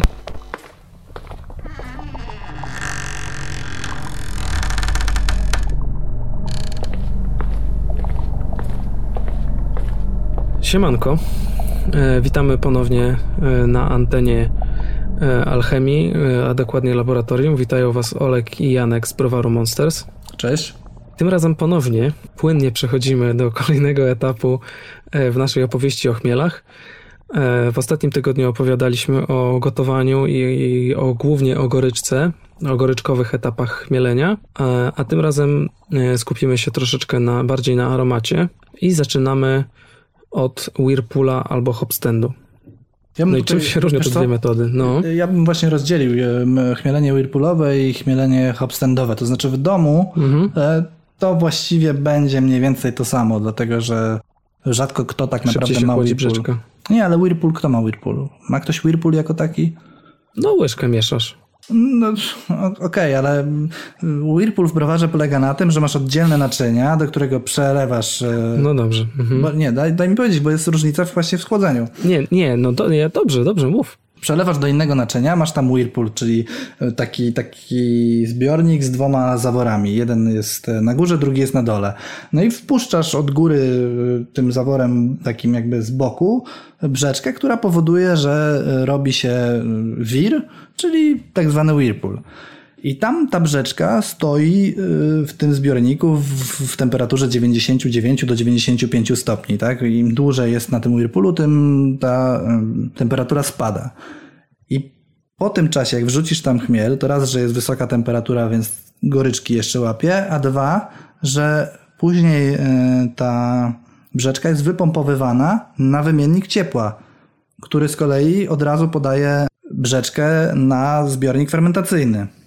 Mhm. Fermentacja, znaczy fermentacja, tfu, chmielenie w hopstendzie to jest wstępne schłodzenie y, brzeczki do 77 stopni, wrzucenie chmielu, zrobienie przerwy, czyli swobodnie dajemy y, ochłodzić się tej brzeczce tam przez te 30 minut, które chmielimy w hopstendzie, czyli ona tam spada no zazwyczaj w domu od 77 do 74, czy tam nawet do 67, w zależności od tego, jak mamy zaizolowaną kać. Więc różnice są całkiem spore, tak? Wrzucenie na Whirlpool to jest wrzucenie tak naprawdę na, na bardzo ciepło tego chmielu, a w hopstendzie wrzuca się troszeczkę na zimniejsze, na zimniejszą temperaturę, niższą. Czyli Whirlpool to jest wrzucenie chmielu po prostu z natychmiast po wyłączeniu palnika albo wyłączenie palnika natychmiast po wrzuceniu chmielu. No Czyli tak, brzeczka praktycznie jeszcze prawie wrze i ty wrzucasz chmiel, a hopstens to jest po prostu e, schłodzenie, e, no tak, przerwa po, po częściowym schłodzeniu piwa. Dokładnie tak. A dobra, to mi się pytanie takie urodziło. Czy dlaczego akurat 77 i czy koniecznie to musi być 77? Wiesz co, to będziesz pewnie ty lepiej wiedział, czemu to jest 77, bo y, to jest związane z DMS-em, tak? Y, Aha, no wstępnie, tak sądziłem. Mhm. wstępnie musisz schłodzić poniżej, nie pamiętam, czy to jest poniżej 77, tak pieprznąłem trochę, bo ale chyba poniżej 81 jest y, te, te e, prekursory DMS się jeszcze mogą pojawić, prawda? Pamiętasz Mhm. to? No tam około 80. Ja tam, jak robiłem tego hopstanda, to tak nie zwracałem uwagi. Znaczy w sensie schodziłem poniżej 75 chyba zwykle dla Okej, pewności. Raczej niż ten. No ja zawsze schodzę wiem, do czy to- 77 i wtedy Mhm. wrzucam chmiel i, i intensywnie mieszam, ale o tym mieszaniu to pewnie za momencik też powiemy, tak? Mhm, mhm. E, Więc dlatego to się, dlatego to się chłodzi, tak, e, do, do tego momentu, a przy okazji chodzi też o ekstrakcję, nie ekstrakcję, tylko rozpuszczalność alfakwasów. Im niższa temperatura, te alfakwasy poniżej 77 stopni też się chyba w, w teorii nie rozpuszczają, bo w praktyce tam mm, chyba coś jednak się dzieje takiego, że ta goryczka się pojawia. E, Natomiast poniżej 77 stopni w teorii alfakwasy się nie rozpuszczają w, w rzeczce. Mhm. Dlatego e, czasami z tego, co słyszałem, niektóre browary były zaskoczone, jak po Whirlpoolu się okazywało, że piwo jest mega goryczkowe. Ale to kurczę, to, to, to, to dziwne byłoby, bo to albo bardzo niedoświadczony piwowar musiał być, no bo jednak y, y, te Whirlpoole to, Whir- Whirlpoole to jest 95 stopni minimum, no.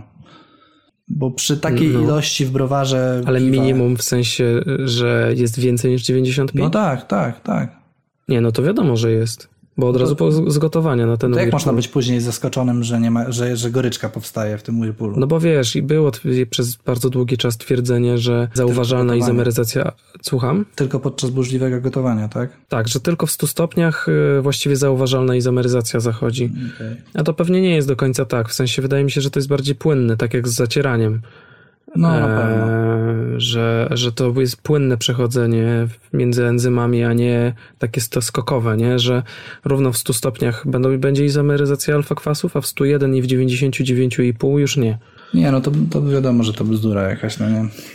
Dobra, y, wytłumaczyliśmy sobie, y, czym się różnią te, te metody, a teraz jakby efektem, który. Zahaczyliśmy o te efekty, ale może najpierw Whirlpool. Wrzucenie chmielu na Whirlpool jest jak najbardziej efektywną metodą chmielenia na aromat. Zgodzisz się ze mną, czy, czy nie? Jak najbardziej, oczywiście. Jak najbardziej. Znaczy w domu. W domu też, w do, znaczy, Nie wiem, czy Whirlpoolowe chmielenie ma sens w browarze. no ma, no bo jak może nie mieć, jak nie masz innej metody chmielenia e, na aromat? Aha, jeżeli nie ma wstędu na przykład, No, tak? hopstandu nie masz możliwości zrobienia hopstandu w 95% e, browarów, ja, tak mi się wydaje. Że hopstand to jest jakiś ewenement, no nie? Mhm. E, więc Whirlpool w domu, hmm, to widzisz, to, to też trzeba roz, rozgraniczyć ten Whirlpool, bo w zależności od tego, jaki mam, jakim sprzętem dysponujemy, to Whirlpool będzie wyglądał trochę inaczej. E, większość piwowarów domowych e, chłodzi brzeczkę chłodnicą za- zanurzeniową. Więc e, wyłączasz palnik, masz włożoną e, chłodnicę i zaczynasz chłodzić, tak? I wrzucasz od razu po wyłączeniu tego palnika na Whirlpool chmiel. I ta brzeczka się systematycznie co chwila z- chłodzi. Znaczy cały czas się chłodzi, tak? I schodzi coraz niżej. I na tym polega Whirlpoolowe chmielenie przy, przy chłodnicy zanurzeniowej. I ona się będzie wbrew pozorom niewiele różnić od hopstandu. Natomiast w momencie, kiedy e, chłodzisz wymiennikiem ciepła, i tutaj jestem troszeczkę mądrzejszy teraz, bo jestem dwo, po, po dwóch warkach właśnie z chłodzeniem e, wymiennikiem ciepła, to w momencie, kiedy robisz Whirlpool, to za chwilę zaczynasz spuszczać brzeczkę przez wymiennik ciepła i od razu z tych 95 schodzisz na 20, dajmy na to, tak? Mhm. Więc nie masz tego procesu coraz niższej temperatury. Tylko A to nie jest przypadkiem też tak, że e, ten chmiel zostaje w garze, że musisz go filtrować przed wymiennikiem? Tak, tak, musisz go filtrować przed wymiennikiem. Chodzi mi o to, że ten chmiel cały czas, w momencie kiedy go wrzucisz, to on cały czas jest w temperaturze od 99 do tam 87, dajmy na to, bo tak mniej więcej zanim spuścisz Aha, cały ten. A w momencie, kiedy robisz chłodnicę zanurzeniową, no to to on na początku ma 99, ale teraz ten chmiel, który leży w tej kadzi, czy tam w tym garnku, ma już yy, yy, temperaturę brzeczki 80, 70, 60 i, i, i mniej, tak? Cały czas ten chmiel tam jest w, w, w takiej temperaturze. Więc ja chyba trzymałbym się terminologii takiej, że większość piwowarów nie chmieli na Whirlpoolu. tylko chmieli po wyłączeniu palnika i tak bym to nazywał. Mhm. Natomiast chmielenie okay. typowo whirlpoolowe to jest w momencie, kiedy wrzucasz chmiel i chłodzisz brzeczkę od razu z 99 stopni do, do temperatury zadania drożdży, tam do 20, do 18 czy, czy ile, tak? Chodzi o skok okay. temperatury. No bo jednak chmiel inaczej się zachowa i ekstrakcja no tak, tak. tego będzie inna. Mówię o tym dlatego, że ja dzisiaj na przykład, e, bo dzisiaj ważyłem, robiłem tak, że e, najpierw schłodziłem wstępną, e, wstępnie przez wymiennik 10 litrów z czy tam 25 całej brzeczki. Schłodziłem do 40 stopni, tak na maksa odkręcając e, zawór. Zawróciłem tą brzeczkę, którą schłodziłem do 40 stopni, te 10 litrów. W efekcie uzyskałem 75 e, stopni. Wrzuciłem chmiel i zrobiłem pauzę, czyli zrobiłem mhm. hopstand. Mhm, Natomiast mhm. mogłem wrzucić ten chmiel od razu na, na tak zwany whirlpool i po prostu powoli chłodzić, e, chłodzić piwo. I to byłyby dwie różne metody. No tak. Strasznie się rozgadałem. Nie wiem, czy ktoś to zrozumie. Ja zrozumiałem, wystarczy. Ty zrozumiałeś, no to spoko. To teraz możemy przejść do tych efektów, które mimo wszystko już zostały, już padły, ale żeby to usystematyzować. Czy chmielenie na Whirlpool doda goryczki? Wydaje mi się, że chmielenie, czy chmielenie na Whirlpool doda goryczki, tak? Tak, tak, tak. W sensie używając tej terminologii twojej, tak. E, chmielenia whirlpoolowego. Wydaje tak. mi się, że tak, ale będzie to niezauważalna różnica, dlatego że tempo chłodzenia i tempo zlewania będzie bardzo szybkie. Czego bym nie mógł powiedzieć o browarze rzemieślniczym, w którym na przykład 20 e, hektolitrów takiej brzeczki się chłodzi dwie godziny. I ona mhm. przez te dwie godziny z tym chmielem jest w tych 90 kilku stopniach i wtedy jest zauważalna różnica. Tak. Znaczy, mm, masz rację. Ale jak to trochę inaczej teraz, bo, bo rozważamy dwie metody, whirlpoolowe i hopstandowe. Czy mhm. chmielenie na whirlpool doda więcej goryczki niż na hopstand? Tak. Tak. O to w sensie uważam, że z hopstandu nie będzie w ogóle goryczki praktycznie. W sensie, znaczy praktycznie w ogóle, w porównaniu do, do whirlpoola. No ja się zgadzam. Bo trochę będzie. Tak. Czyli chmielenie na whirlpool da nam trochę goryczki. To nie będzie dużo, dużo goryczki. Czy wrzucenie chmielu na e, na wyłączony palnik też doda trochę goryczki. Więcej na pewno niż mhm. gdybyśmy wrzucili na hopstand. Więc mhm, teraz mhm. płynnie przechodzimy do e, metody hopstandowej, czyli wstępnie chłodzimy brzeczkę do 77 stopni czy 75, nie ma to większego pewnie znaczenia. Wrzucamy chmiel i robimy pauzę. Około, Jak długo? Ja robię przynajmniej 20 minut przerwy. Mhm. E, czyli pół godziny będzie ok. Tak, do 20 minut do pół godziny, tak. tak. W zależności od tego, czy mi się spieszy, czy mi się nie spieszy, to robię od 20 do 30 minut. No i wtedy rzeczywiście y, po pierwsze woda już nie paruje, albo przynajmniej paruje dużo wolniej niż przy gotowaniu, mhm. więc mhm. dużo mniej tych związków się ulatnia, tych aromatycznych. Po drugie, te olejki się bardzo dobrze ekstrahują w tej temperaturze. To prawda. Wciąż jest na mhm, ciepło. tak, więc... bo jest ciepło. Mhm. I to, co tutaj mamy na pewno za, zapisane, albo może nie mamy zapisane, yy, widzę, że nie mamy chyba. No w każdym razie to, co jest dla mnie na maksa ważne, to jest mieszanie brzeczki w momencie, kiedy wrzucamy ten chmiel na, na To jest zapisane. Jest zapisane. A, na co zwrócić mhm. uwagę? Mieszanie. Jest. Przepraszam. Przepraszam. To jest dla mnie w ogóle klucz do dobrego piwa, to jest mieszanie podczas e, kontaktu chmielu z, z brzeczką. Bo podczas gotowania nie musimy tego robić, bo gotowanie powoduje samoistne mieszanie. Natomiast tutaj nic już nie bulgocze, ten, ta, ten ruch brzeczki jest dużo mniejszy. Więc zdecydowanie polecam mieszać przez te 20 minut. Może nie cały czas stać i mieszać, ale przyjść co minutę, co dwie, zamieszać, żeby to wzburzyć e, i żeby się to poruszyło. Tak, tak, tak. Zwłaszcza, że przy okazji robicie wtedy ten whirlpool, e, czyli tworzycie, jak zamieszacie w koło, w kółko, że tak powiem, to, to, ten, to tworzycie ten stożek na samym środku gara. No o tym stożku w ogóle który... żeśmy nie powiedzieli, a to jest też fajna funkcja. Możemy o tym... Mhm. To powiedz o tym no, no, jak mieszacie, to po prostu mieszacie, wprawiacie w ruch wirowy brzeczkę, czyli w ruch whirlpoolowy, bo whirlpool to jest z angielskiego wir. Na środku gara tworzy się wtedy taki stożek e, chmielin, dlatego że siła odśrodkowa akurat, czy tam dośrodkowa akurat tak działa, że E, że ten chmiel zbiera się na samym środku i wtedy można przy krawędzi zbiornika, w którym e, macie taką brzeczkę z chmielinami, zbierać praktycznie klarowną brzeczkę. Znaczy brzeczkę no tak. pozbawioną chmielin, czy tam osadów. Dużo łatwiej oddzielić ten chmiel, który wrzuciliśmy do gara od czystej brzeczki, tak? Dużo łatwiej ją mhm. przelać. Jeszcze a propos tego, tego chmielenia, znaczy tego mieszania, to ja sobie zawsze to jak próbuję to komuś wytłumaczyć, to zawsze y, mówię mu, żeby sobie zrobił taki test z herbatą. Czyli nalał y, wody do dwóch y, kubeczków i wrzucił taką zwykłą herbatę, nie wiem, Liptona w, w woreczku. I wrzucił ją do jednej, żeby wrzucił ją na 20 sekund, dajmy na to. Do jednej i do drugiej szklanki. W jednej, żeby mieszał cały czas przez te 20 sekund, a w drugiej niech to sobie leży. I niech wyjmie później te saszetki i zobaczy, która się bardziej wyekstrahowała, tak? Która będzie Mhm. bardziej No tak, aromatyczna. No bo to na tej samej zasadzie trochę działa z tym chmielem, no. Ale to, to równie dobrze możecie zrobić test z cukrem. Wsypcie cukier e, Dokładnie. do szklanki wody i zamieszajcie w jednej szklance, a w drugiej nie zamieszajcie i sprawdźcie po minucie, co będzie, które będzie bardziej słodkie. No bo to są dwa mechanizmy mieszania, znaczy mechanizmy. Z jednej strony macie dyfuzję, czyli samoistne mieszanie, które jest mega, hiper, super wolne, a z drugiej strony macie mieszanie mechaniczne, które wspomaga to, tą dyfuzję i, jest, i przyspiesza proces diametralnie.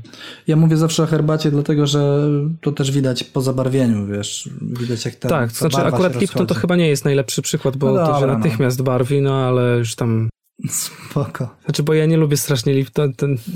Dobra, Dobra, nie, żeby nie rozumiem, było rozumiem. kryptoreklamy. Dobra, trochę o się. efektywności. Aha, mieszanie. Trochę- Dobrze, tak, więc jeszcze chciałem nawiązać do tego, że potem to też będzie miało to, to mieszanie, m, będzie miało znaczenie z punktu widzenia e, chmielenia na zimno, ale ja to potem o tym wspomnę, bo to też Dobra. e, gra rolę pewną, bo jest pewna technika chmielenia na zimno, e, która ma związek z tym mieszaniem i tym, o czym powiedziałeś przed chwilą. Okej, to jeszcze powiem trochę o tym hopstendzie, bo moim zdaniem to jest najbardziej efektywna metoda chmielenia na aromat, jeżeli chcemy dużo aromatu. I ja na przykład e, w momencie, kiedy teraz e, robię jakieś New Englandy albo piwa, które mają nie mieć prawie w ogóle goryczki albo mają mieć ją minimalną, chmielę piwo tylko i wyłącznie na hopstand. W ogóle nie wrzucam w żadnym innym momencie chmielu i wrzucam ją tylko i wyłącznie na, na, na hopstand. I uważam, że to jest bardzo dobra metoda, żeby zrobić fajną New England tipę. Taką, która ma być trochę słodsza. Nie ma mieć goryczy, tylko ma być taka właśnie bardzo mocno soczysta i bardzo mocno chmielowa. To jest bardzo efektywna metoda. I ja mm, w pewnym momencie od tej metody odszedłem w domu i zauważyłem sporą różnicę, jak ponownie do niej wróciłem. W sensie zauważyłem ten skok jakościowy natężenia aromatu, który mi wychodził. Więc ja Hopstand naj- jak najbardziej polecam. Jeżeli macie mało chmielu i chcecie uzyskać fajny, trwały aromat w piwie, to na Hopstand jak najwięcej. Koniec. Amen. Ja się z tym jak najbardziej zgadzam. No to fajnie. To patrz. Olku, Też mam patrz. pewne, mam pewne doświadczenia, znaczy, które udowadniają twoje e, działanie. Czyli zgadzamy się. To Tak będzie krótki powiem. odcinek w takim razie. Fajnie. Poczekaj, spokojnie, jeszcze chmielej na zimno. No to lećmy. To, I to widzisz, to jest, to, to jest ten moment, w którym jakże profesjonalnie, płynnie przechodzimy do chmielenia na zimno. Chmielenie na zimno. Na czym polega chmielenie na zimno? Na tym, że wrzucamy chmiel na zimno. Dziękujemy. Dobranoc. E, no więc jeżeli chodzi o chmielenie na zimno, to właściwie to jest chmielenie, które dotyczy już przefermentowanego piwa. E, czyli chmielenie tak na tak zwanej fermentacji cichej. No bo mm, nie wiem, darowałem sobie, jak robiłem tutaj spis, e, pisanie o fermentacji burzliwej, w sensie chmieleniu na fermentacji burzliwej, bo to Jeżeli chcecie dowiedzieć się, co sądzimy generalnie o e, tej, tej mitycznej biotransformacji, tak? Dobrze mówię? Tak, Tak. to się nazywa? To posłuchajcie sobie odcinka na żywo, który był, ale który tak naprawdę nie był na żywo, ale jest z tego zapis z Warszawskiego Festiwalu Piwa. Tam jest o tej biotransformacji. A dzisiaj nie będziemy o tym mówić. Jest. Dzisiaj nie będziemy o tym mówić, wszystko jest tam powiedziane, co, co uważamy na ten temat i, i już. E, No więc chmielenie na zimno głównie dotyczy fermentacji cichej, czyli piwo skończyło fermentować, zlewamy je na fermentację cichą i e, wrzucamy wtedy e, do, do, tego piwa chmiel. Jakiejś tam określonej ilości, którą chcemy do niego wrzucić. I teraz jest jedna rzecz, nad którą, o której ja chciałem podyskutować. No bo e, tu znowu e, odwołuję się do Czesława Dziełaka, który mówi, że e, ekstrakcja aromatów z chmielu jest dużo większa, gdy w, tym, gdy w piwie są żywe drożdże. Więc czy warto wrzucać chmiel do piwa bez zlewania go na cicho, w sensie razem z plackiem drożdżowym? Jak ty sądzisz? Wiesz co, ja, ja jestem, znaczy do tej pory byłem dużym zwolennikiem generalnie fermentacji cichej jako takiej. Natomiast powoli zaczynam się przekonywać do tego, jako że mm, jednak największymi wadami w piwie, które robię, to jest jednak utlenienie.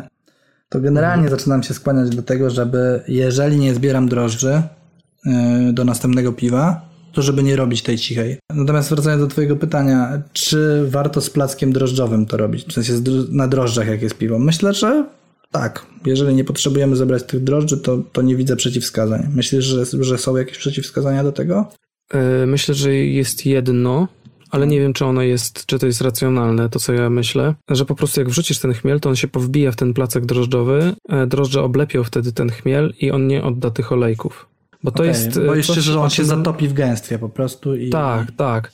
Bo to jest coś, o czym ludzie mm, wspominają e, pod kątem mielenia, jak piwo jest mętne jeszcze. W sensie, że po prostu wtedy ta, ta zawiesina drożdżowa, która jest w piwie, oblepi, e, te drożdże oblepią chmiel i on nie odda olejków, bo one zalepią go w jakiś tam sposób. Ale jest... nie wiem, no bo nie mam znaczy, dowodów na to, to, że to, to jest może prawda. Być też tak, bo jak wsypiesz chmiel do supermętnego piwa, e, to później ciężko jest to piwo raz, że sklarować, a dwa jednocześnie dostajesz taką szorstką, piekącą goryczkę przez to, że e, ten chmiel jest pozlepiany z drożdżami, one są takie, takie szorstkie. To, to, to, co mówisz, może ma, ma sens moim zdaniem. Mhm, mhm. E, więc znaczy, tak, to jest, to jest jakieś przeciwwskazanie. Zgadzam się z tym. No tak, także no, wiecie, no jeden rabin powie tak, drugi rabin powie nie i to chyba trzeba po prostu samemu E, dojść do, do wniosków. Zresztą jak ze wszystkim w piwowarstwie, praktycznie ze wszystkim e, dojść do tego, co najlepiej działa dla was i mm, z czym się najlepiej czujecie. Bo ja jednak wolę zlać. E, znaczy, przede wszystkim mam wrażenie, że znaczy dla mnie jest wygodniejsze po prostu wrzucić najpierw chmiel do, do pustego wiadra i potem na ten chmiel zlać piwo. Mam wrażenie, że to się trochę lepiej wymieszowywuje. No na pewno tak. To, wiesz, to, na pewno się lepiej miesza wtedy, jak, jak zrobisz wir e, w momencie, kiedy przelewasz piwo. No bo ten wir jak, jako taki się robi, tak? Bo, bo wprowadzasz w ruch e, brzeczkę, mhm. no nie? E, znaczy ja zawsze zlewałem na cicho, zawsze po prostu. Nie, nie przypominam sobie piwa, które mm, z chmieleniem na zimno zrobiłbym bez przelewania na, na, na cichą. E, więc, więc ja tak robię, więc ciężko jest mi się też wypowiedzieć na to, czy warto to zrobić z drożdżami. Jeżeli macie jakieś doświadczenie z tym, to dajcie znać. Chętnie się do tego mhm. odniesiemy w komentarzach. A póki tak, co przejdźmy tak, sobie tak. Do, do tego, ile tego, znaczy nie ile chmielu, a do ile chmielu też dojdziemy. Nie mamy tego mhm. co prawda na liście, ale ja myślę, że, że to warto będzie poruszyć. Ale na jaki czas wrzucać? No więc zależy to od temperatury, z tego co wiem, prawda? Najbardziej zależy to od temperatury w piwa. Temperatury ja, chmielenia na zimę. Tak, to na pewno też, ale ja mam taką, znaczy generalnie, no wrócę do analogii z, z herbatą generalnie. I tego w ogóle, jak szybko się takie rzeczy rozpuszczają w czymś. Na pewno kluczowy, kluczowy moment, kluczowy czas y, dla ekstrakcji czegokolwiek, co wrzucimy do wody, to jest jeden dzień. Pierwszy mhm. dzień wtedy tego na aromatu na pewno najwięcej się rozpuszcza, tych olejków. Ale jeden dzień masz na myśli 24 godziny pierwsze, tak? Tak, 24 pierwsze mhm. godziny są na pewno kluczowe. Myślę, że pierwsze 12 godzin jest kluczowych mhm. w ogóle. Później ta ekstrakcja jest coraz mniejsza. To na bank, tego jestem pewien, nie, nie potrzebuję żadnych, wiesz, badań na ten temat. Mhm. Jestem pewny, że, że chmiel po prostu przy pierwszy dzień oddaje 90% aromatu, a później to już jest tylko i wyłącznie e, coraz, coraz mniej i jakieś tam resztki. Więc e, ja generalnie e, wrzucam chmiel zawsze na dwa dni. I w sumie bez względu na temperaturę, ale to z tego względu, że ja chmielę w przedziale 16-20 do 22 stopni e, i zawsze trzymam ten chmiel dwa dni, po czym robię cold crash. Natomiast tutaj, bo na forach albo na, na grupach facebookowych zawsze ten czas jest moc, bardzo demonizowany. Ten długie trzymanie chmielu e, z brzeczką. Co uważam, że jest troszeczkę przesadzone, dlatego że w wielu browarach e, rzemieślniczych wrzuca się chmiel e, na określony czas, później się odstrzela część tego chmielu, ale nie cały, bo po prostu się go nie da całego odstrzelić. I ten chmiel bardzo długo leży, na przykład dwa albo trzy tygodnie leży w zbiorniku na zimno i nic złego z tym piwem się nie dzieje. Więc jeżeli ktoś rzuci chmiel, dajmy na to na 20 stopni, podtrzyma je dwa dni, a potem schłodzi to piwo, to myślę, że mm, myślę, że nie będzie dużym błędem, jeżeli nawet dwa tygodnie ten chmiel poleży poleży w, w wiaderku. Tak mi się Mhm. wydaje. Nie wiem, co ty o tym No sądzisz. Znaczy wiesz co, ja mm, stosuję ten sam czas, w sensie dwa dni, Mhm. ale zawsze po tych dwóch dniach od razu butelkuję. Okej, czyli nie... W sensie nie robię cold crashu, bo nie mam po prostu takiej możliwości. Musiałbym na, na, na wpierniczać tych wkładów chłodzących do tej swojej lodówki Rozumiem. styropianowej tyle, że, no nie, że nie, nie miałbym szans, że nawet jakby mi zeszło do tych 5 stopni, to bym nie potrzymał 24 godzin. Już to, znaczy ja w, dopóki nie miałem lodówki, y, to robiłem taki, no to może cold crash to na wyrost powiedziane, ale wrzucałem właśnie butelki zamrożone do styropianowego pudła i jest- schodziłem do jakichś 8 stopni e, i to i tak mi znacznie pomagało w oddzieleniu chmielin od, e, od brzeczki. Ta brzeczka, no, no te chmieliny po prostu opadały na dno. Mhm. Oczywiście są sposoby, żeby na ciepło to, to od, oddzielić, e, natomiast mi to zawsze dużo, dużo łatwiej Okej. było zrobić. Mm. Że no, ja na pewno chmielu na zimno nie trzymałem nigdy dłużej niż 3 dni. Okej. A wiem, że ludzie są, że są ludzie, którzy trzymają i tydzień. I to wiesz, tak w takich temperaturach 18 stopni na przykład, ale to Znaczy- są zwykle ludzie w starej szkoły. W wysokiej temperaturze, trzyma, im dłużej trzymamy chmiel w wysokiej temperaturze, wysoka mam na myśli około 20 stopni, e, tym więcej tych zielonych e, aromatów się zbiera i to jak najbardziej jest niepolecane. Dwa dni to jest odpowiedni czas. Jeżeli nie mamy możliwości schłodzenia, to ja bym to jak najszybciej przelewał. I tutaj się zgadzam z tym. Mhm. Ale No to- wiesz, co jest w ogóle jeszcze ciekawe, No. E, że ja oglądając któryś tam, znaczy nie słuchając któregoś odcinka e, z The Brewing Network, już nie pamiętam, który to była audycja, ktoś tam opowiadał o chmieleniu na zimno i mówił, że to, co ty powiedziałeś teraz, że w wysokiej temperaturze, jak trzymasz długo, to zielone rzeczy wychodzą, ale też jak w bardzo niskiej. Tylko, że jeżeli wiesz, chodziło o, o to, że całe chmielenie na zimno jest na przykład w 5 stopniach, Tak, to, to, też wtedy chyba podobno tego Czesiek, zielonego maksymalnie dużo. Czesiek też o tym mówił chyba, to ja jednak musiałem e, słuchać tego wykładu, o którym ty mówiłeś, że, że on nie poleca na przykład wrzucenia chmielu na zimno w 10 stopniach, czy tam w 8 Mhm. w lagerowych temperaturach, bo to, to jest właśnie e, proszenie się o tą trawę. Mm. Tak. Ja lagery na przykład jak chmielę na zimno, nie robiłem ich wiele, chyba ze trzy, to też chmieliłem w 16 stopniach, czyli przy tak zwanej przerwie diacetylowej, e, żeby, żeby ta ekstrakcja tych przyjemnych rzeczy była wyższa. Jak jesteśmy jeszcze przy tym e, czasie i przy temperaturach, tak, w jakiej temperaturze chmielić e, na zimno, Mhm. no to już żeśmy podali mniej więcej przedział od 16 do 22, czy tam od 14 nawet myślę, że powinno e, być nieźle. To ja mam taką teorię, że im cieplejsze chmielenie na zimno, tym też aromat się trochę zmienia. To, co mówiłem przy przygotowaniu, że im wyższa temperatura chmielenia na zimno, tym aromat będzie słodszy. Im niższa, tym on będzie taki bardziej cytrusowy, bardziej taki agresywny w pewien sposób, taki no cytrusowy, mniej słodki aromat, jeżeli w ogóle można mówić o słodkości aromatu, tak?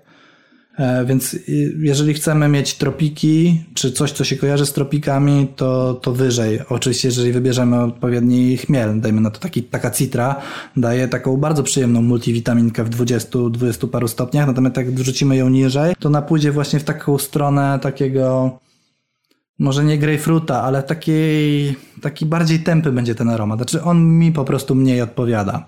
Mhm, mhm. Mm, nie wiem, czy wiesz o co mi chodzi. Tak, tak, rozumiem. gadam? No, spoko. A jakie ty masz doświadczenia, Olku? Yy, w związku z temperaturą chmielenia na zimno. Tak, w związku- w związku z temperaturą, no. Mm, nie mam za wielu, chociaż, znaczy wiesz co, ja chmieliłem y, lagery na zimno w dosyć niskich temperaturach, ale chyba też podgrzewałem troszeczkę, znaczy da- dawałem się ogrzać tam do tych 13 stopni, Mhm. ale ja nigdy nie robiłem przerwy diacetylowej y, aż takiej, żeby wiesz, żeby aż do 16 stopni dochodzić, nie? Mhm. Tylko tam w 13 wrzucałem chmiel i na dobę wtedy wrzucałem tylko ten chmiel, Okej, zwykle. ciekawe. E, Ale to wynikało głównie z tego, że po prostu ja robię lagery u rodziców i jak przyjeżdżam w e, piątek, to w sobotę ważę i w sobotę chmielę na zimne piwo, e, poprzednie piwo, a w niedzielę już muszę wracać, więc wtedy w niedzielę muszę zabutelkować to piwo i to tylko z tego wynika, No tak, no tak. że nie mogę zostać do poniedziałku u rodziców. No, ale to też było jedno piwo tylko takie, które chmieliłem na zimno, Okej. chyba czy tam dwa.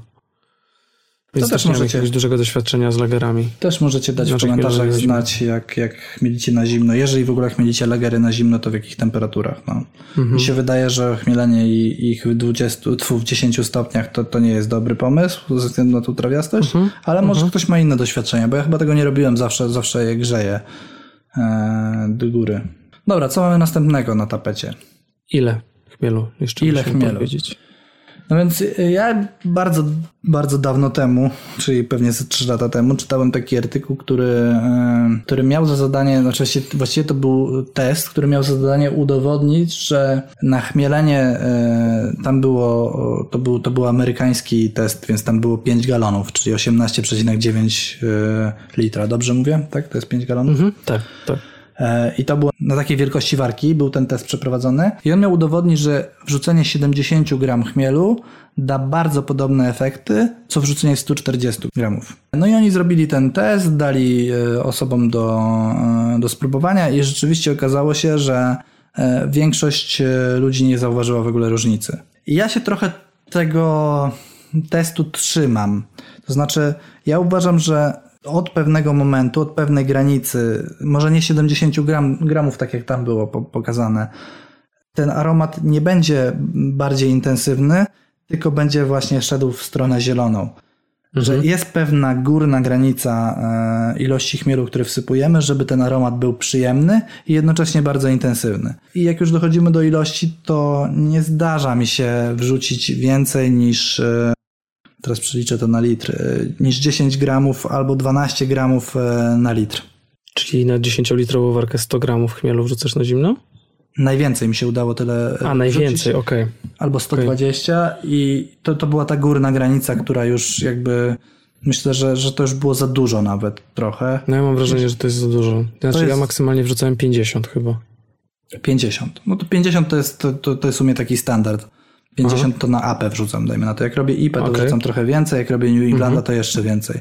Mm, Natomiast to też e, zależy od tego, ile wrzucę na goryczkę, bo jednak ja uważam, że chmielenie na zimno daje dość sporą ilość goryczki. Właśnie głównie od tych zielonych części, które się w jakiś sposób, y, czy jakieś związki, które się rozpuszczają w niskich temperaturach, które powodują może nie tyle odczucie goryczy, ale jakiś tam jakiś poziom ściągania, który ja odbieram i większość ludzi odbiera jako goryczkę. Więc w zależności od tego też ile, ile chmieliłem na goryczkę, też dostosowuję ilość chmielu na zimno.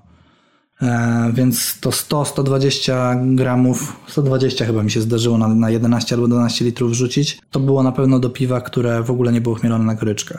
No tak, czyli zamiast marnować chmiel na goryczkę, można wrzucić go na aromat i będzie gitara. Bo też goryczka się tam pojawi, nie? Pojawi się, natomiast no to nie zrobimy w ten sposób West Coasta na pewno. To, A nie, no to absolutnie, to prawda. Mhm. Więc mm, dla mnie górną granicą jest 10-12 gramów na, na litr. Natomiast wiesz, no e, Cloudwater w swoich, e, w swoich piwach chyba, bo oni podają hopping rate, oni to nazywają. A, no tak. Na tak. Antapcie tam chyba jest jeden, jedno piwo, które robili, masz 40 gramów e, chmielu na litr piwa. Co w, wiesz, w warunkach tak dużego browaru, to, to są jakieś ciężkie pieniądze w ogóle, żeby kupić No ale wiesz, jak one po 100 zł kosztują za puszkę te Cloudwatery chyba, no czy tam zgoda. więcej. To się wtedy opłaca jak najbardziej. No. Natomiast wiem, że oni wrzucają takie ilości, no i ludzie się jarają tymi piwami, więc myślę, że mm, oni akurat mają duży, znaczy, że w browarach dużą robotę robi jednak ten Hopgun, to się nazywa, tak? Hopgun. Mhm. To urządzenie, które chmieli się w przepływie. Myślę, że ono na tyle dobrze filtruje te chmieliny, że nie dostajemy tej trawiastości, tak? W domu nie mamy takich możliwości, żeby coś takiego zrobić, no. No tak, niestety. Znaczy pewnie dałoby się jakimś tam, jak ktoś jest majsterkowiczem, ale nie wiem, czy by to zdało egzamin w domu. Jest bo jakiś- to utlenienie jest tutaj czymś, No, no, czego no, bym się no. najbardziej obawiał. Na Browomatorze, y, Browomator sprzedaje e, jakieś takie urządzenie do chmielenia w przepływie właśnie dla piwowarów domowych. Tam można chyba 50 gramów chmielu wrzucić, ale to jest tylko i wyłącznie na szyszkę. A, no tak. No, to kosztuje około 500 iluś tam złotych i to się zrobi pod, e, pod ciśnieniem. Natomiast Okej. no, nikt sobie, to nie, nie słyszałem, żeby ktoś z tego korzystał i żeby ktoś korzystał w jakimś tam e, urządzenia z chmieleniem w przepływie. No. No tak, no i e, a propos właśnie chmielenia na zimno i tego, ile tego chmielu wrzucać, to chciałbym to, co obiecałem wcześniej, że powiem a propos mieszania, że jest taka technika, którą browary rzemieślnicze stosują, która się nazywa double dry hopping. Mhm. Słyszałeś? Tak. Wiesz, że się wrzuca po prostu chmiel na zimno w dwóch porcjach. I to właśnie wynika z faktu, że w tankach fermentacyjnych jest bardzo trudno o mieszanie, że ta dyfuzja mm, jest tam powolna, że stosunek, e, że stosunek średnicy do wysokości tego tanku jest e, bardzo mały. Podczas gdy w piwowarstwie domowym on jest dużo większy, prawda? Bo to, bo to wiadro nasze jest y, zbliżoną, ma wysokość do szerokości, więc y, to chmielenie na zimno jest dużo bardziej mm, efektywne. I właśnie dlatego dry, double dry hopping się stosuje w piwowarstwie rzemieślniczym, e, ale w piwowarstwie domowym, z tego co wiem, to, on, to, to niewiele daje. Także lepiej wrzucać jest chyba, chyba że ty masz jakieś inne doświadczenia w tym względzie. Znaczy wiesz co, ja od jakiegoś czasu y, staram się y, mieszać w czasie chmielenia na zimno, czyli bujam fermentorem po prostu. Mhm. Jeszcze nie jestem na 100% w stanie powiedzieć, że to daje lepsze efekty, natomiast wydaje mi się, że daje. No, za mało testów zrobiłem, żeby jednoznacznie stwierdzić, że to mieszanie daje. Też pewnie zależy od temperatury. Im niżej to jest, tym ten chmiel szybciej opada, więc to wzburzanie tego chmielu na pewno coś pomaga. Natomiast przy wyższej temperaturze, kiedy ten chmiel wolniej opada, no to pewnie ma mniejszy sens. Mm, Ale póki co, Tak, no. tak, po tych kilku próbach mogę powiedzieć, że y, aromat wydawał mi się wyższy. No. Bo jak, jak kołysałeś, tak? Jak kołysałem, no. Okej. Znaczy, bo żeby uzmysłowić wam y, w ogóle skąd wynika to, co ja teraz powiedziałem, to się, ja zawsze pamiętam to, co Marcin Ostajewski kiedyś powiedział, że widział, już nie pamiętam jaki to był browar i jakiego, jakie to było piwo, ale Wąsarz. widział, y, tak, że w wąsoszu to było, Tak, tak. że po chmieleniu na zimno, jak wyciągnęli całą tą papkę, y, to były suche pelety, po prostu sucha, sucha była, suchy był granulat chmielowy. Stworzyły to się się tak bryły, zbija no. e, i dlatego oni wrzucają po prostu w kilku porcjach e, ten Mhm. chmiel na zimno. Ale w domu można kołysać i to chyba będzie dużo lepsze niż wrzucanie kilka razy tego chmielu, bo zawsze ten tak pierwszy wydaje. będzie dłużej leżał niż ten drugi. Też mi się wyda- wydaje, poza tym że każde otwarcie fermentora wpuszczasz e, tlen, Mhm. więc, więc e, na pewno więcej go się rozpuści za każdym razem, jak będziesz to otwierał, niż jak zakołyszesz. Najlepiej jest zrobić po prostu poduszkę z CO2, wtedy będzie, Tak. będzie lepiej. No? Tak. Znaczy ja się w ogóle zastanawiam ciągle nad tym, czy nie, czy nie dobrym pomysłem byłoby mieszanie mieszadłem magnetycznym. Pewnie tak, no tylko że zrobienie czegoś takiego troszeczkę pewnie, e, chociaż... Znaczy no trzeba było mieć duże mieszadło, znaczy duży element mieszający i duże mieszadło, które byłoby w stanie to pociągnąć. No i na wolnych obrotach oczywiście byłoby mieszanie, bo chodzi tylko o to, Żeby żeby, się podbić yy, chmiel. Tak, tylko chodzi o to, żeby podbić ten chmiel z dna, prawda? A dalej już tam myślę, żeby się to wymieszało. Jest to jakiś pomysł. Także jak ktoś kiedyś coś takiego robił, jak ktoś ma jakieś patenty na to, to piszcie i dzwońcie. W, no, w nocy do Olka. W nocy do mnie, jak mam wyłączony telefon, ale tylko wtedy. Dobra. To co? Y, Czy chciałbyś coś jeszcze, czy możemy y, płynnie przejść do kolejnego podpunktu? Płynnie do kolejnego, płynnie. No więc płynnie przechodzimy do kolejnego. Ja dzisiaj byłem na basenie, więc płynnie przechodzimy do kolejnego punktu, a mianowicie problemów związanych z. y, Chyba na zimno właściwie się skupimy na tym. Hmm? Mm, I pierwszy problem to jest taki, e, który wynika, e, który, z którym głównie na pewno piwowarzy początkujący się spotkają, czyli wrzucaliśmy, wrzuciliśmy te 50, nawet szuflę wrzuciliśmy tego chmielu na zimno, no i nie ma tego aromatu. I teraz z czego to może wynikać? No, nie wiem, pewnie coś, jakieś estry przykrywają to. Estry albo alkohol na przykład, Albo prawda? Czyli niepoprawnie przeprowadzona fermentacja e, może zepsuć nawet najbardziej nachmielone piwo. I na to No. chcieli, chciałbym, właściwie chyba obaj nawet chcielibyśmy, żebyście Tak, zwrócili tak. uwagę. Przede wszystkim na fermentację, bo chmiel nie może e, błyszczeć e, w niedofermentowanym piwie. Czyli takim, które ma po prostu jakieś diacetyle, aldehydy i inne tam e, dzikie węże, prawda? Nie, no, no zgadzam się, że generalnie mm, chmielem na zimno jesteś w stanie przykryć lekkie estry, ale jak one są bardzo wysokie, jeszcze są fuzlowe albo jakieś takie alkoholowe, rozpuszczalnikowe akcje, no to, to ile byśmy tego chmielu nie wrzucili, to nie będzie go czuć, bo po prostu e, wszystkie złe rzeczy wyjdą na, na pierwszy plan. No dobra, a kolejny problem to jest taki, że piwo jest szorstkie i, i wyłazi z butelki. No to tutaj tak naprawdę chodzi o to, że zawodzi, zawodzi wasza filtracja. No, E, ja kilka razy próbowałem już e, piwa bezpośrednio po chmieleniu na zimno, w sensie zostawiało tam trochę w wiadrze i to jest bardzo nieprzyjemne doświadczenie. W sensie jest po prostu tak piekące to piwo przez, tą, przez ten zielony materiał, który jest em, obecny, w, zawieszony po prostu w piwie, prawda? Także jeżeli tak, całe to- piwo takie macie, no to sorry.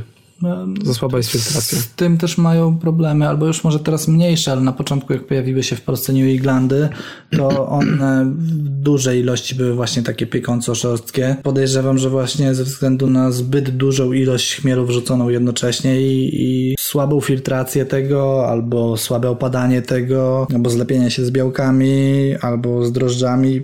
No w każdym razie ta cierpkość, ta, ta, ta pie... ja to bardziej z pie... pieczeniem kojarzę. To są po prostu zawieszone chmieliny w piwie, najprawdopodobniej. No tak. I to przy okazji jeszcze właśnie jest to wyłożenie z butelki nieszczęsne, że jest po prostu tak. gushing. Czyli po prostu musicie czekać na rotipy laboratorium, w których będziemy mówić o filtracji e, piwa po chmieleniu. Tak, tak. Ale to jeszcze nie teraz.